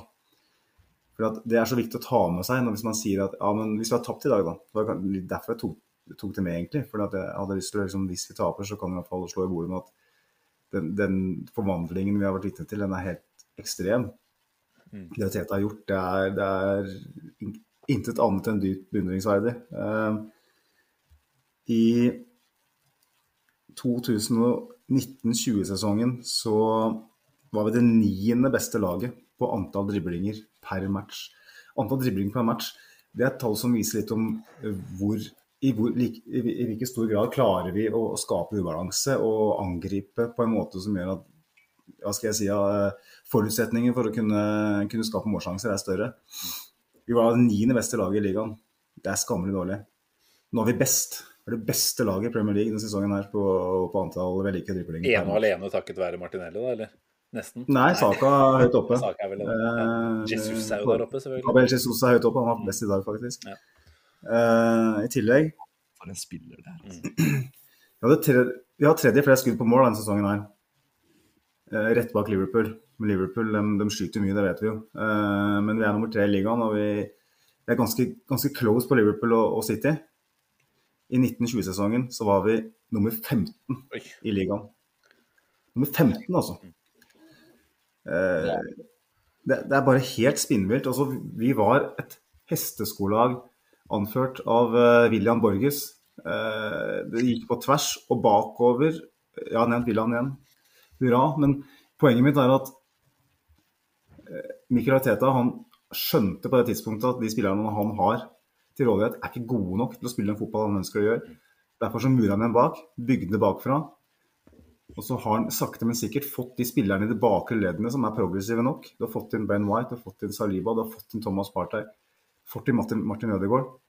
Og så har han bare dyrka de unge spillerne som var der før, og fått inn en Gabriel Jesus. Og så har han, som han sier i denne podkasten i England, handbrake is off. Nå kan Arsenal virkelig være seg sjøl og ha personlighet offensivt. Og med de tallene der i, i bakhånd, så tenker jeg at vi som fans skal bare være veldig, veldig takknemlige for at vi, som Arteta sier, var med på å lide oss gjennom Mm. eh, den perioden. For at det gjorde vondt ganske lenge. Det var mange tunge stunder eh, i, også under Arteta. Men både vi som fans og klubben som helhet må bare tenke at det var så jævlig verdt det, for nå er vi her. Nå er vi faktisk Hadde det ikke vært for, eh, for City, så hadde det her vært, hadde vært gullfavoritter i Premier League. Altså. Så gode er vi. Og det, det, må vi, det må vi prøve av og til å stoppe opp og tenke i det der jaget etter resultater og neste match, neste match, tre poeng her, skader her. Så må vi stoppe opp og tenke hvor var vi for to år siden? Vi var ingenting.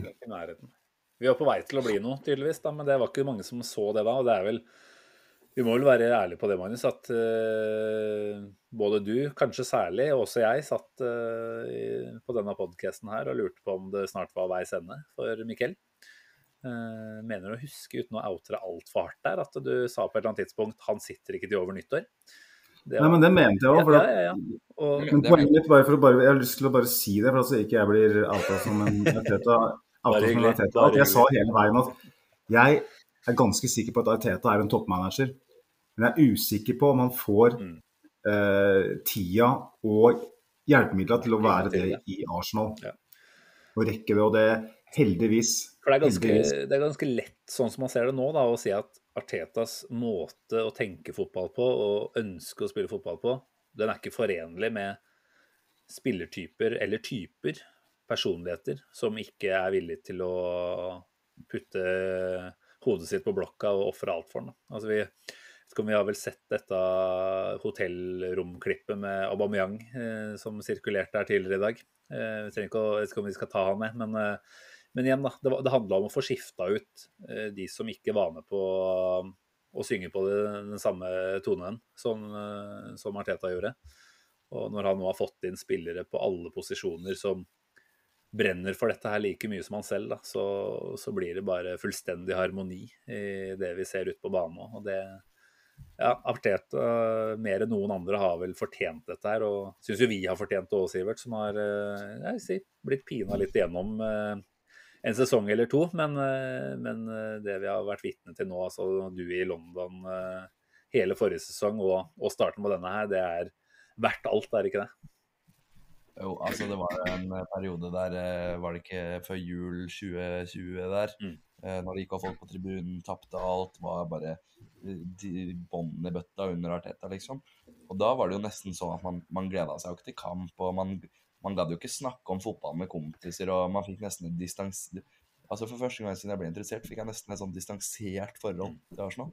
Og da også av den forvandlingen eh, eh, som har skjedd nå, er jo det er helt sykt. Altså Vi har jo ikke vært i Chau. vi har vel hatt Tottenham foran oss eh, på seks-sju år nå. Vi har ikke vært i Champions League på Jeg husker jo ikke hvordan den eh, himmelen går engang. Og nå driver vi og leder Premier League. Det er jo helt, det er jo helt riv ryskende galt, egentlig. Vi må være Vi må huske på det, faktisk. Altså. Ja, ja. Nei, jeg tenker det er viktig at Magnus uh... Nå skal, skal det sies at jeg er ikke liksom skikkelig uh, Jeg er ikke helt sånn uh, jeg skjønner, altså Det her så man konturene av på slutten av forrige sesong. mm, Ja, Det ja. er ikke sånn at, det er ikke, det er ikke sånn at eh, gutta var på sommerferie nå, og så har det kommet tilbake, og så er alt endra over denne sommeren. Det her har tatt tid. Uh, og, og at jeg er veldig Ikke at jeg har hatt en finger med i spillet, men jeg er veldig stolt av at han fikk tid til å bygge. Eh, for det er det ikke mange som får. ass. Eh, det er eh, faktisk eneste du kan sammenligne det med, er faktisk Liverpool og Klopp. ass. Mm.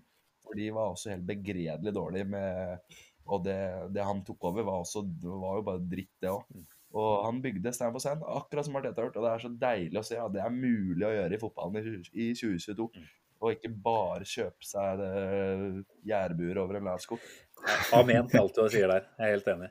Det er, det er så viktig å, å være en sånn type klubb. Og det, det er så deilig når du kaster steinen to hakk nedover langs Themsen og finner Chelsea og måten de driver klubb på der. Og så så, ser du at vi, vi er liksom Vi er ikke perfekte på alle måter, vi er ikke det, men den måten der å, å stå bak manageren på og ha troa på en type som eh, man virkelig ser at har noe spesielt, da, det, nei, det kan vi være takknemlige for nå. Eh, nå ble det mye her. Eh, vi har fått ett spørsmål sånn ref den partypraten vi hadde i stad, kanskje verdt å ta opp. Eh, Einar Dalen spør på eh, Twitter. Eh, må Arsenal handle sentral midtbane i januar? Det er jo en stund fram dit, og det er klart at hvordan vi ligger an i ligaen på det tidspunktet, eh, altså når Premier League tar juleferie, eller VM-ferie, det vil jo sikkert påvirke litt hva slags eh, måte vi ser på januarvinduet på, da. Men, eh, men så viktig som Party er nå, og så skadeutsatt som vi jo dessverre vet han er, eh, må vi bare kjøpe inn noe, ikke hva som helst, men kjøpe inn noe i, i januar allerede, tenker dere, eller? Ja. Altså, Det er jo ganske klart at det er, var jo planen. Douglas Louise var jo på importene på Deadland day, og det er, det er nok eh, neste steg det å få en dekning til Barti som ikke heter Sambulokonga. Mm. Eh, Men om det skjer i januar allerede, det vet jeg ikke. Det vet jeg ikke. Det er klart, er vi oppe og toucher på Citys poengsum om eh, hva er det, fem-seks runder bare, er det ikke da, før det er VM-pause? Eh, Så blir det jo for dumt å ikke gå all in for dette her.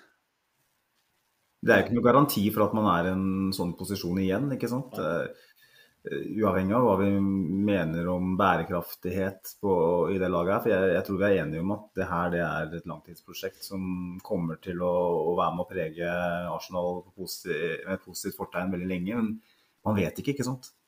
Så når man først er i en posisjon, så må man, må man makse, ikke sant. Og øh, vi vet, selv om Thomas Party skulle gå skadefri fram til januar, med den historikken vi har i, i, i bakhånd her, så tenker jeg at eh, neste av galskap og iallfall ikke prøve å hente inn en, en som kan gå inn og gjøre den jobben.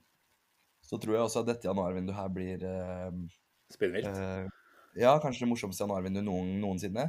Eh, nå kan man si at eh, det ikke er så dritkult å ha VM i november og desember nede i Qatar, det er jeg helt enig i. Men hva januarvinduet angår, så tror jeg det blir veldig spennende. fordi eh, det er jo alltid spillere som eh, skiller seg ut eh, både positivt og negativt i mesterskap, eh, som blir, blir plukka opp eh, nesten basert på hva de gjør i mesterskap. Og, og du vet at når én spiller eh, går eh, Skal det være en eller annen eh, spiller i, eh, som gjør det bra i et mesterskap, da, som blir henta av en eller annen, så begynner snøballen å rulle. Det er sånn overgangen fungerer. Så jeg tror det blir eh, Man sier jo alltid at nei, du får jo aldri noe kvalitet i januar. Det er jo, det, det er jo ingen som vil selge da.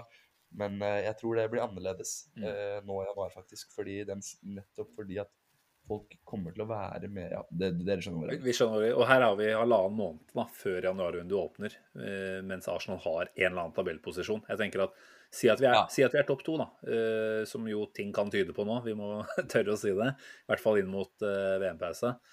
Så, så vokser jo på en måte omverdens syn på Arsenal i takt med hvor lenge vi ligger der oppe. Eh, og det er klart det er et veldig fint sted å være midten av november eh, og begynne å planlegge for hva vi skal gjøre på overgangsmarkedet eh, noen uker seinere. Mm, jeg tror som du sier, Magnus, dette er en eh, mulighet som vi ikke nødvendigvis eh, turte å drømme om at vi skulle befinne oss i. da, En posisjon som er mye bedre enn der vi er, enn der vi turte å tro at vi skulle være. og jeg tenker at Vi må bare bli så sterke som mulig så fort som mulig. Eh, For plutselig så er Chelsea oppe der, og plutselig har United mm. landa et par kjempesigneringer til, og Ten Hag fått litt mer dreis på ting. Og da er, da er plutselig den topp fire-kampen eh, beintøff igjen. ikke sant? Så Nei, her er noe med å, om ikke det er så mange hull, så i hvert fall fylle opp og gjøre oss så solide nedover på, på spillernummer 15, 16 og 17 som mulig. Mm. Ja, det er jo naturlig å anta at i løpet av den oktobermåneden her nå så kommer det til å skje en del på skadefronten. Eh, vi må bare folde er- hender og gå ned i knestående og tenke at det ikke er de aller viktigste som ryker ut. Men det er eh, den sesongen her er veldig mye mer uforutsigbar enn de fleste, fleste andre. Og når du har en så tynn stall som Arsenal har da, så er jo det en bekymring. Og jeg tenker jo at de klubbene som har mange spillere i, i, i VM, og det handler ikke bare om, om, eh, om skader, men se for deg en brasilianer som taper en eh, semifinale i VM, da. Eh, er han folk igjen da, de neste tre-fire månedene? Altså, så mange variabler her da, som gjør at um, du, hvis du har den muligheten, så sitter med de korta på hånda, da må du bare banke på. Altså. For at, um, om så det da maks for oss blir en andreplass, for et eventyr det hadde vært da, å bli nummer to i Premier League i det, den, den ligaen her. Det er sant. Den moralske førsteplassen. vi blir jo ikke eh, nummer én. Det er bare å Altså, Braut skal, skal være på stranda i to måneder og lade opp til sesonginnspurten. Ja, men, men det er en variabel til her. Han spiser jævlig mye lasagne. Og vi veit jo hvordan vi kan påvirke lasagner eh, til vår fordel. Eh, Så når vi møter City både én og to ganger mot eh, slutten av sesongen her, så, så skal vi vel ikke se helt i bort fra at en liten matforgiftning eh, har dukka opp her, kanskje. Ja, da- Det er jo harmløst og herlig i så fall. Jeg får prøve å ta, ta, ta noe ansvar der, vi gutta. Komme oss over og helle noe pulver i posen. Eh, nå ser vi tikke mot halvannen time her. Eh, vi har snakka mye. Eh, Magnus, du har ikke kontroll på noen ting, i hvert fall ikke spørsmåla fra lytterne våre. Eh, så jeg vet ikke hva vi skal innom nå. Jeg ser det er et spørsmål fra Vi bare tar et par spørsmål, det er så gøy. Peter Larsgaard, eh, Larsgaard på Twitter eh, spør oss er Emirates det tøffeste sted å dra i i ligaen nå. Sivert, vær så god. Du har vært mye på Emirates eh, det siste året, så det passer bra for deg. Eh, det, det korte og konsise svaret på det er ja. Ja. Eh, Det tror jeg det er. Eh, og så skal det også sies at jeg har eh, Jeg har vært på Er det, er det 14 av de 20 stadionene i, som Mm. eh, er i Premier League nå? Og jeg kan helt uten å kødde eh, si at uh, stemninga på Emirates nå med, altså, eh, den er helt enorm. Og jeg, jeg kan ikke sammenligne med en annen klubb i Premier League. Klubb. Altså, det er, det er jo nærliggende å tenke ja, City er et annet fælt sted å komme til, men ikke av de samme er grunnene. de. Jo, men altså, jeg har vært på Etiad eh, to ganger faktisk, i bortesvingen. Eh, Det er klart at det de holder på med der nå med Haaland, det gjør jo at det også blir et annet sted, men det er ikke, det er ikke en stemning som du finner eh, på Emirates, det er det ikke, altså. Altså, Em Emirates er et uh, Det er et fort nå. Mm. Rett og slett et fort. Uh, vi spiller jo ikke uavgjort lenger. Vi, vi, vi vinner. Stort sett. Altså, det er, det, er, ja, det er bedre å tape én enn, eh, enn å spille uavgjort to. Mm. Skjønner du? Vi, vi snur kamper til, til vår fordel, og, uh, og da kan vi begynne å snakke om at det er vanskelig å dra dit Mm. sånn for å få et resultat. Men også desibelen. Mm. Eh, altså, altså Mm. supporterne er de beste i Premier League, mener jeg helt, helt, helt, helt uten å kødde. Vondt i Ja, øret, ja, vondt i øret har jo blitt beskrevet her fra Magnus som var over på Nordland Derby forrige helg. Eh, At det var, det var rett og slett fysisk ubehagelig å stå der inne. På en Ja, det var vondt. Det var, vondt. Det var et, et lydnivå som jeg um, Jeg har mange matcher på Emirates, så jeg var jo over et par ganger i fjor òg. Men det Nord-London Derby nå, det, var, det gjorde vondt. Og det, det er folk som var over, som er på hver en, folk som er på match, som er på hver eneste kamp. Som sier at de aldri har hørt Emirates så høyt som i den Tottenham-kampen. Og så vil jeg tro, igjen etter i kveld, at folk sier nettopp det samme etter Liverpool. For at det er en sånn økende greie her. At flere og flere bare blir med for at man har lyst til å være på festen. Det hjalp jo sikkert litt for deg at du sto nederst på North Point. Da. Jeg vet ikke helt åssen du fikk til det. Nei, altså det, vi kan jo ta litt prat om billetter, da, Sivert. For at du, Liten hyllest er på din plass her. Det er det faktisk. det er litt Dennis Bergkamp eh, over deg når det gjelder å assistere. Eh, slår den i bakgrunnen der, så jeg bare kan Ja, det, det komplimentet der Det fins ikke høyere kompliment fra meg. Det, Tror jeg, tror jeg er hyggeligste jeg har hørt noen gang. Ja, bare hyggelig. Og det er, jeg har jo en kompis som bor i London nå. Og øh, han sliter veldig med å få tak i billetter. For det, han er red member, sånn som det jeg og mange er. Og det finnes ikke, liksom. Eh, og da tenker jeg på å sende en melding til Sivert. Da hører jeg er det mulig å få et par billetter til den Liverpool-matchen. Og jaggu skjæra, som vi sier her på Løten, så klarer han å fikse det òg. Så det står i evig takksam, eh, som sier i Sverige. Det er bare fantastisk at man, kan, at man har en sånn stor ressurs Mm. som Sivert Eriksen er. Det må man, jeg må bare slutte meg til. Jeg sier at det er nesten, det er nesten eh, utrolig, Sivert, at du ikke har tatt over dette ansvaret på fulltid. For det er en som har full kontroll på billetter, så er det deg. Eh, nå får du sikkert ekstremt mye å gjøre da, når du blir outa på lufta av Magnus her. Ja, Jeg jeg tror alle vet det fra før. jeg får mye meldinger om det. Altså, uh, det kan jeg godt eh, si hvis det er noen som, uh, som lytter og som har sendt meg melding og vært hyggelig for så vidt. vært sånn, Halla, jeg tenkte meg over på den og den, kan du mekke én billett eller to billetter eller tre billetter? Hvis jeg har svart deg litt kort eller, eller et eller annet sånt, så kan det være. Men det har også noe med at noen ganger så får jeg 15 meldinger på én match. Og det er klart at da prioriteres det mye kompiser eller eh, ingen. Eller eh, Og ja, altså, jeg bor jo ikke der lenger, så, så jeg er ikke like på det som, eh, som jeg var i fjor. Eh, det må jeg si. Men jeg syns det er veldig hyggelig å, å bidra, og, eh, og, og jeg hjelper eh, mange med billetter. På Tottenham så hjalp jeg vel eh, seks stykker. Ah. Eh, og så to nå, da, mot Liverpool. Og så eh, Ja, så det, det gir meg mye glede, det faktisk. altså. du, er, du er en helgen, rett og slett. Ja, Intet nei, mindre. jeg, jeg, jeg, er ikke, jeg er egentlig ikke ute etter så jævla mye skryt heller, liksom. Det er bare det at det, er bare det, at det, det, det Jeg veit ikke. Det er så mange som kommer i Det var en mot Tottenham nå. Eh, skal, ikke, skal ikke gi han eh, gleden av å bli outa, men han sa eh, at han hadde betalt hva var det, 13 000 kroner eller noe for to billetter mot Tottenham. I helvete. Eh, for to billetter mot Tottenham. Og selvfølgelig, det var bra plasser, og det var på nedre del og alt mulig, og det er helt herlig, det. Uh, og, og sånn er det alltid i verden, at eh, har du, har du penger, så kan du bruke det på akkurat hva du vil. Det, sånn, sånn er det. Men jeg unner folk å dra.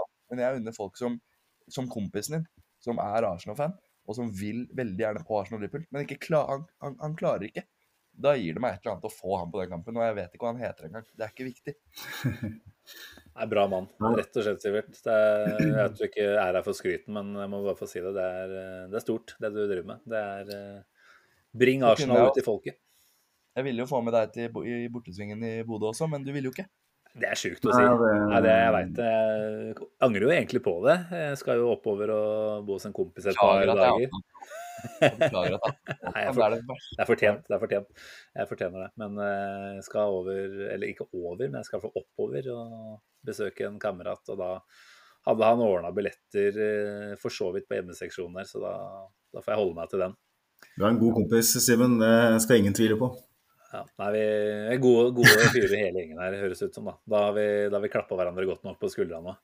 Ja, altså det, Jeg kan skyte inn det siden vi er på litt mer sånn generell prat. Da, at eh, For å bli med i den podkasten her, så må du gi mailen din til Simen, og, så- og så trykker du på en sånn link du får på mailen din.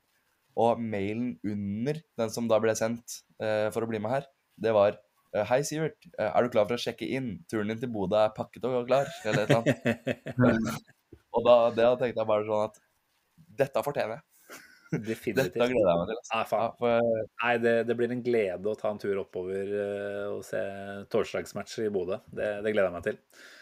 Da skal det bli Ja, det blir- bløtt og jævlig.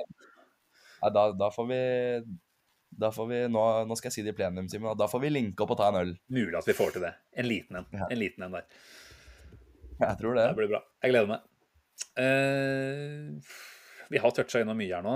Jeg ser Det er én ting som er litt sånn stemningsdempende potensielt. Da. Jeg ser uh, vår venn Andreas fra Arctic Gunner har uh, nevnt oss i en kommentar her hvor han uh, henviser til James Ollie, altså en journalist i London Standard, er det muligens, som, eh, som eh, skriver at eh, FA, en FA-talsmann har eh, uttalt at han er, eller at de er aware of an incident that took place during the match between Arsenal and Liverpool. Og da er det sannsynligvis snakk om en hendelse mellom Henderson og Gabriel. Vi så at de var litt i tottene på hverandre. Og så snakkes det om en rasistisk eh, bemerkning. eh, og Oi.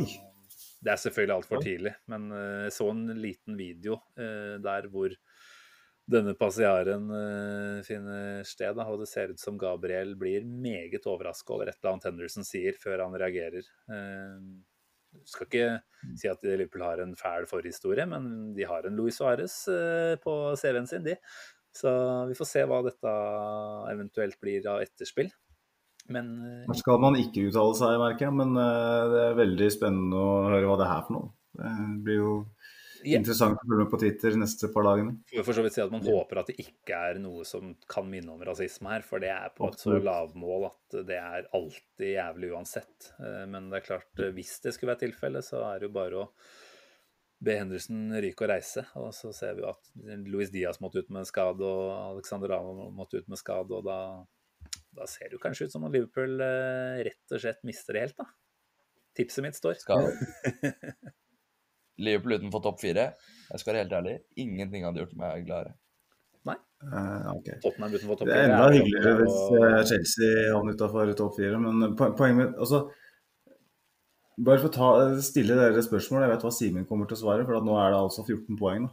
Eh, Arsenal skal eh, Liverpool skal spille én kamp eh, til, selvfølgelig. Men eh, borte mot Chelsea, og det har borte mot Tottenham. hvem kommer øverst av Arsenal og Liverpool på tabellen? Simen, du svarer vet åpenbart Arsenal. er. Sivert? Uh, Liverpool. Magnus. Jeg sier òg Liverpool, men eh, jeg har aldri vært så i tvil. Ja, jeg måtte tenke litt der, men, eh, men eh, de tar jo Det er 14 poeng, og det er eh, 30 matcher, så det Altså Men altså, bare for å gjøre det litt spennende, skal vi sette et bet her og nå på lufta? Jeg, Ja. jeg gir Nei. begge dere 300 spenn, og jeg skal ikke dra den så mye lenger enn det, jeg kjenner jeg. Eh, Mener du det? Får jeg 300 spenn av deg hvis, altså jeg, jeg kommer sikkert til å påspandere pils for i hvert fall 300 spenn i Bodø, så det er egentlig i blank allerede der. Men uh... Du, jeg skal ta deg på den, altså. Eh, Men jeg, jeg håper jo selvfølgelig vi kommer over, så jeg håper jo at jeg tar feil. Men, vinn-vinn for deg, da. Ja, men du skal få, faktisk få 300 spenn av meg hvis Arsenal kommer over. Altså, for jeg, jeg såpass ikke før Altså, eh, la oss ikke ta helt av, Liverpool er grisegode. Og over 30 kamper til så er det mulig å ta, Ja, ja. ta igjen det poenget. Altså. Vi får se. Vi får Ja, se. nei, det får da blir noen deler, dere, gutta. Jeg, jeg syns det er så utrolig vanskelig å spå nå at jeg syns det er dumt å skulle eh, bruke hele ukelønna på det, på å si. Eh, ryker både potetgullposen og Stratosen, liksom. Det, er- det er dumt. Ukelønna til dattera di som ryker i så fall, da. Så Men, men, Ja, det er det jeg mener nå. men jeg hadde faktisk helt uten å kødde eh, nesten satt eh, BSU-en min på at vi blir best i London. Det tror jeg. Chelsea, Tottenham eh, og alt det andre gjør, det, vi, er, vi er best i London. tror jeg vi er best uh, i både London og Mercyside med det utgangspunktet der. Litt i topp fire, og det er målet. Så da, for meg så er det nok. Og da For meg er det nok òg. Hvis vi kommer på, på, på, på fjerdeplass, så er jeg happy. Men fjerdeplass, er det kvalik? Nei. Ja, ja. Nei, da Fra, er på fra og med neste sesong så er det vel til og med topp fem som får uh, CL. Eh, tror jeg. Men jeg tror den kommende CL-sesongen er vel den siste av nåværende format. Og jeg kjenner jo at jeg har lyst til å ha en sånn CL-sesong før det går over til dette her seriespillet. Jeg vet ikke om jeg kommer til å digge det. Så å få en sånn ordentlig CL-sesong nå neste år, det, det hadde vært helt nydelig. altså.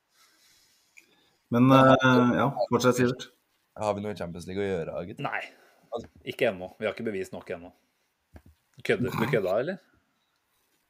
Jeg, Nei, nei, nei, men jeg, jeg mener helt oppriktig, hadde vi bare, hvis vi hadde kommet til Champions League neste år, hadde vi bare gjort, uh, vært uh, liksom uh, et, av laga i bollen, eller hadde vi, kunne vi Ah, flott bite fra oss? Arsenal Liksom? med litt mer bredde kvalifiserer seg greit videre fra en gruppe. Det er jeg ganske sikker på. Og slutt- Arsenal slutt- har mye større sjanse til å vinne Champions League enn Premier League.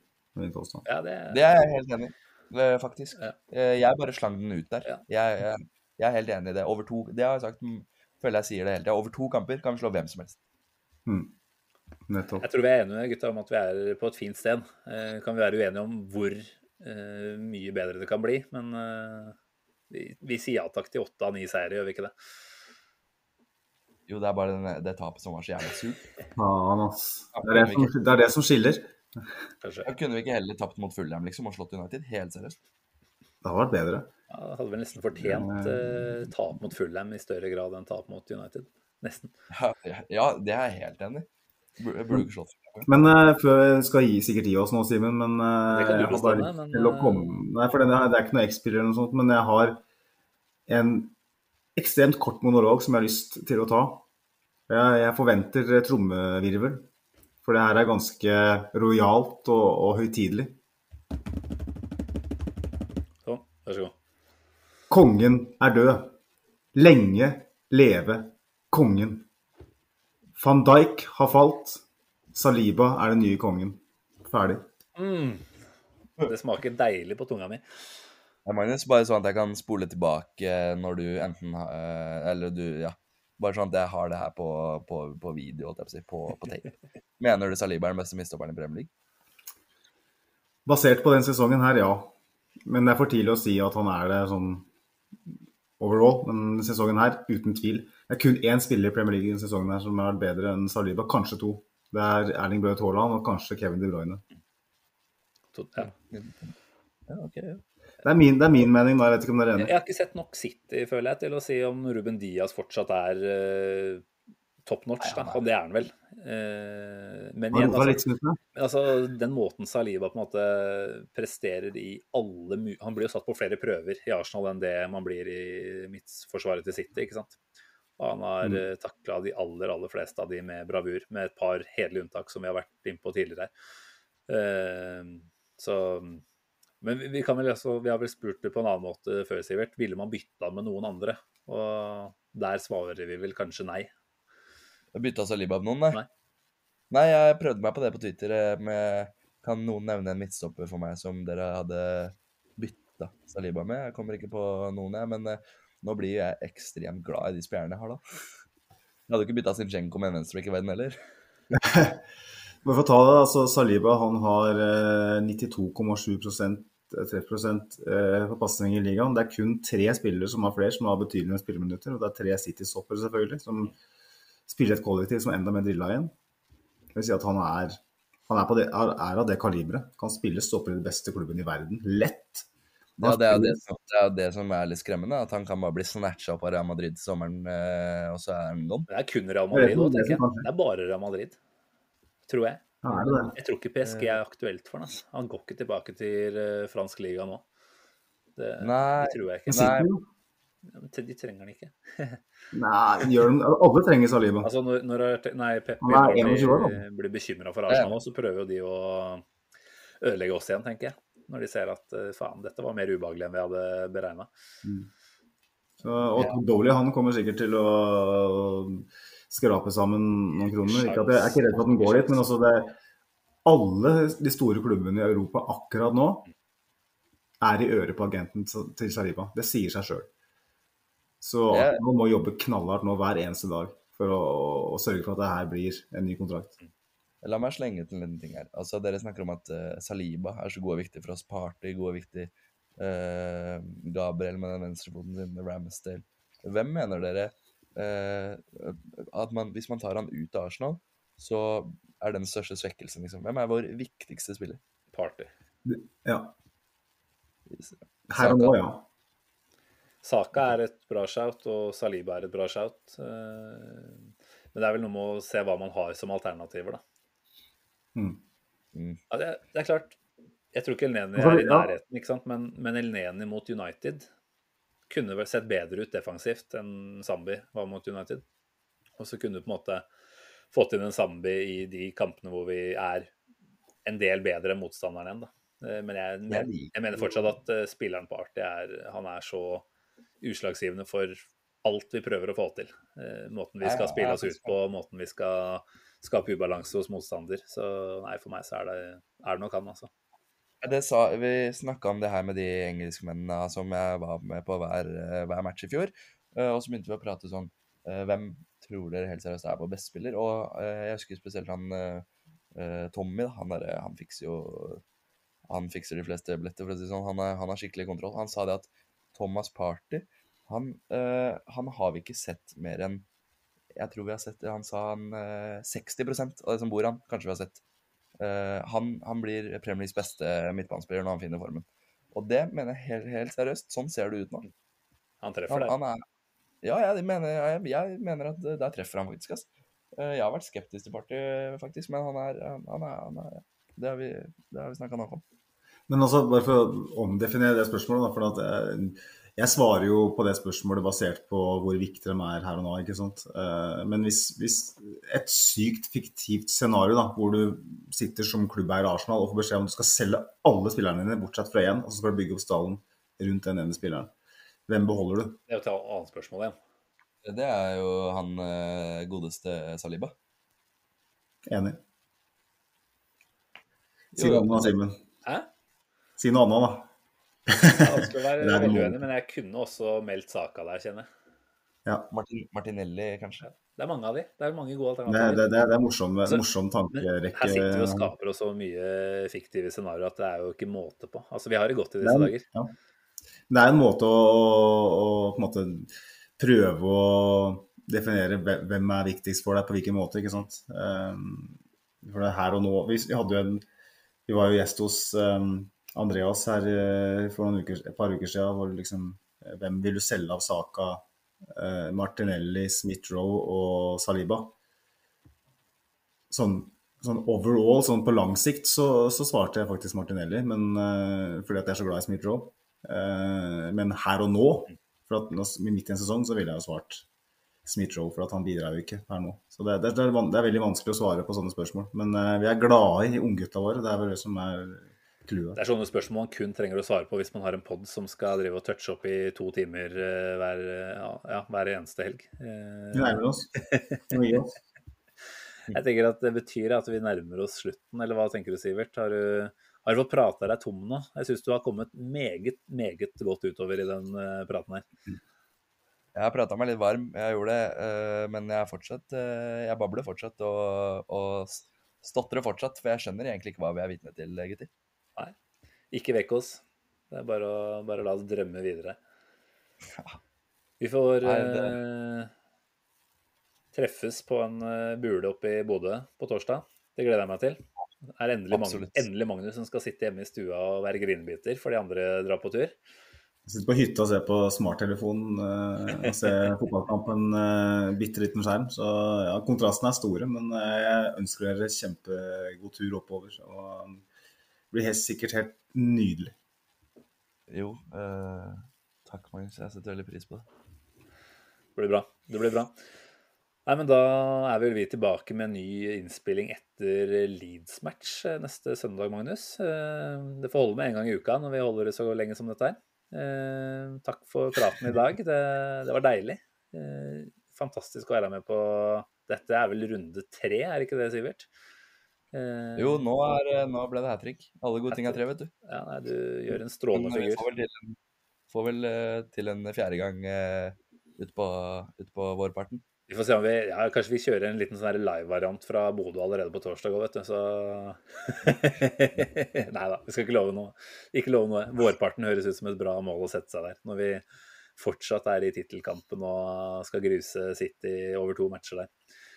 Det, Det blir- er deilig, det. Da, jeg har forelesning klokka åtte i morgen tidlig, så jeg må jo se gjennom høydepunktene i hvert fall fire-fem ganger før jeg legger meg også. Så jeg har mye som, som skjer nå. Jeg tenkte jeg skulle sette hele matchen på repeat rett og slett nå mens jeg setter meg og redigerer eh, pod. Så gleder jeg meg til det, kjenner jeg. Deilig. Fint liv. Eh, Magnus, siste oppfordring eh, før vi runder her. Følg oss, lik oss, del oss, eh, noe som heter, eh, på sosiale medier. Jeg tror de fleste har fått med seg handlene våre. Vi er at podarsenal på, på Twitter og På Facebook er det bare å søke oss på Arsenal Station Pod, så gjør det. Og fortsett å lytte, det setter vi pris på. Så høres vi ved neste korsvei, som man sier. Eh, god tur nordover, eh, gutter. Og um, Simen, du skal ha siste ordet, sikkert. Jeg tenkte jeg bare skulle si ha det, ha det, hei, ja, men det er jo egentlig din punchline. Ja, det er min, det er Ja. det er. Jeg har ikke så mye mer å legge til. Jeg. Bare Nei. takke hjertelig for en trivelig prat. Det er alt jeg, alt jeg trengte en søndagskveld, dette her. Så lever noen dager til på denne her nå. Vi har det godt Yes. om dagen, karer. Bare nyte. Ha det, ha det. Hei. Ha det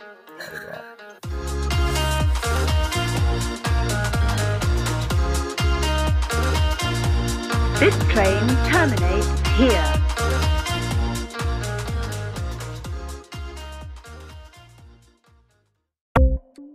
Ukens annonsør er HelloFresh. HelloFresh er verdens ledende matkasseleverandør og kan være redningen i en travel hverdag. Mange av oss har nok vandret i butikken både sultne og uten en plan for middagen, som ender med at vi går for de samme kjedelige rettene gang på gang. Middag burde være dagens høydepunkt. Som HelloFresh kan du nå velge mellom 25 ulike retter hver eneste uke, eller få HelloFresh til å sette sammen menyen for deg. Dette gir deg muligheten til å prøve nye og spennende retter alene eller sammen med familien. Du velger antall porsjoner og får alt levert på døren på et tidspunkt som passer for deg. Oppskriftene er enkle, og maten er lett å lage både for store og for små. Ved å få alt levert hjem får du også mer tid til å dele matgleden med familie og venner. Kanskje det frister med asiatiske tacos eller greskinspirert kylling? Da kan jeg anbefale deg om å gå inn på hellofresh.no. Her kan du bruke koden FOTBALL og få opptil 1779 kroner i rabatt på de første fem matkastene hvis du ikke har prøvd HelloFresh tidligere. Du kan også bruke rabatten hvis du har vært kunde og stoppet abonnementet ditt for tolv måneder siden eller lengre. Gå inn på hellofresh.no og bruk koden FOTBALL. Har du et enkeltpersonforetak eller en liten bedrift? Da er du sikkert lei av å høre meg snakke om hvor enkelt det er med kvitteringer og bilag i fiken, så vi eh, gir oss her, vi. Fordi vi liker enkelt. Fiken superenkelt regnskap.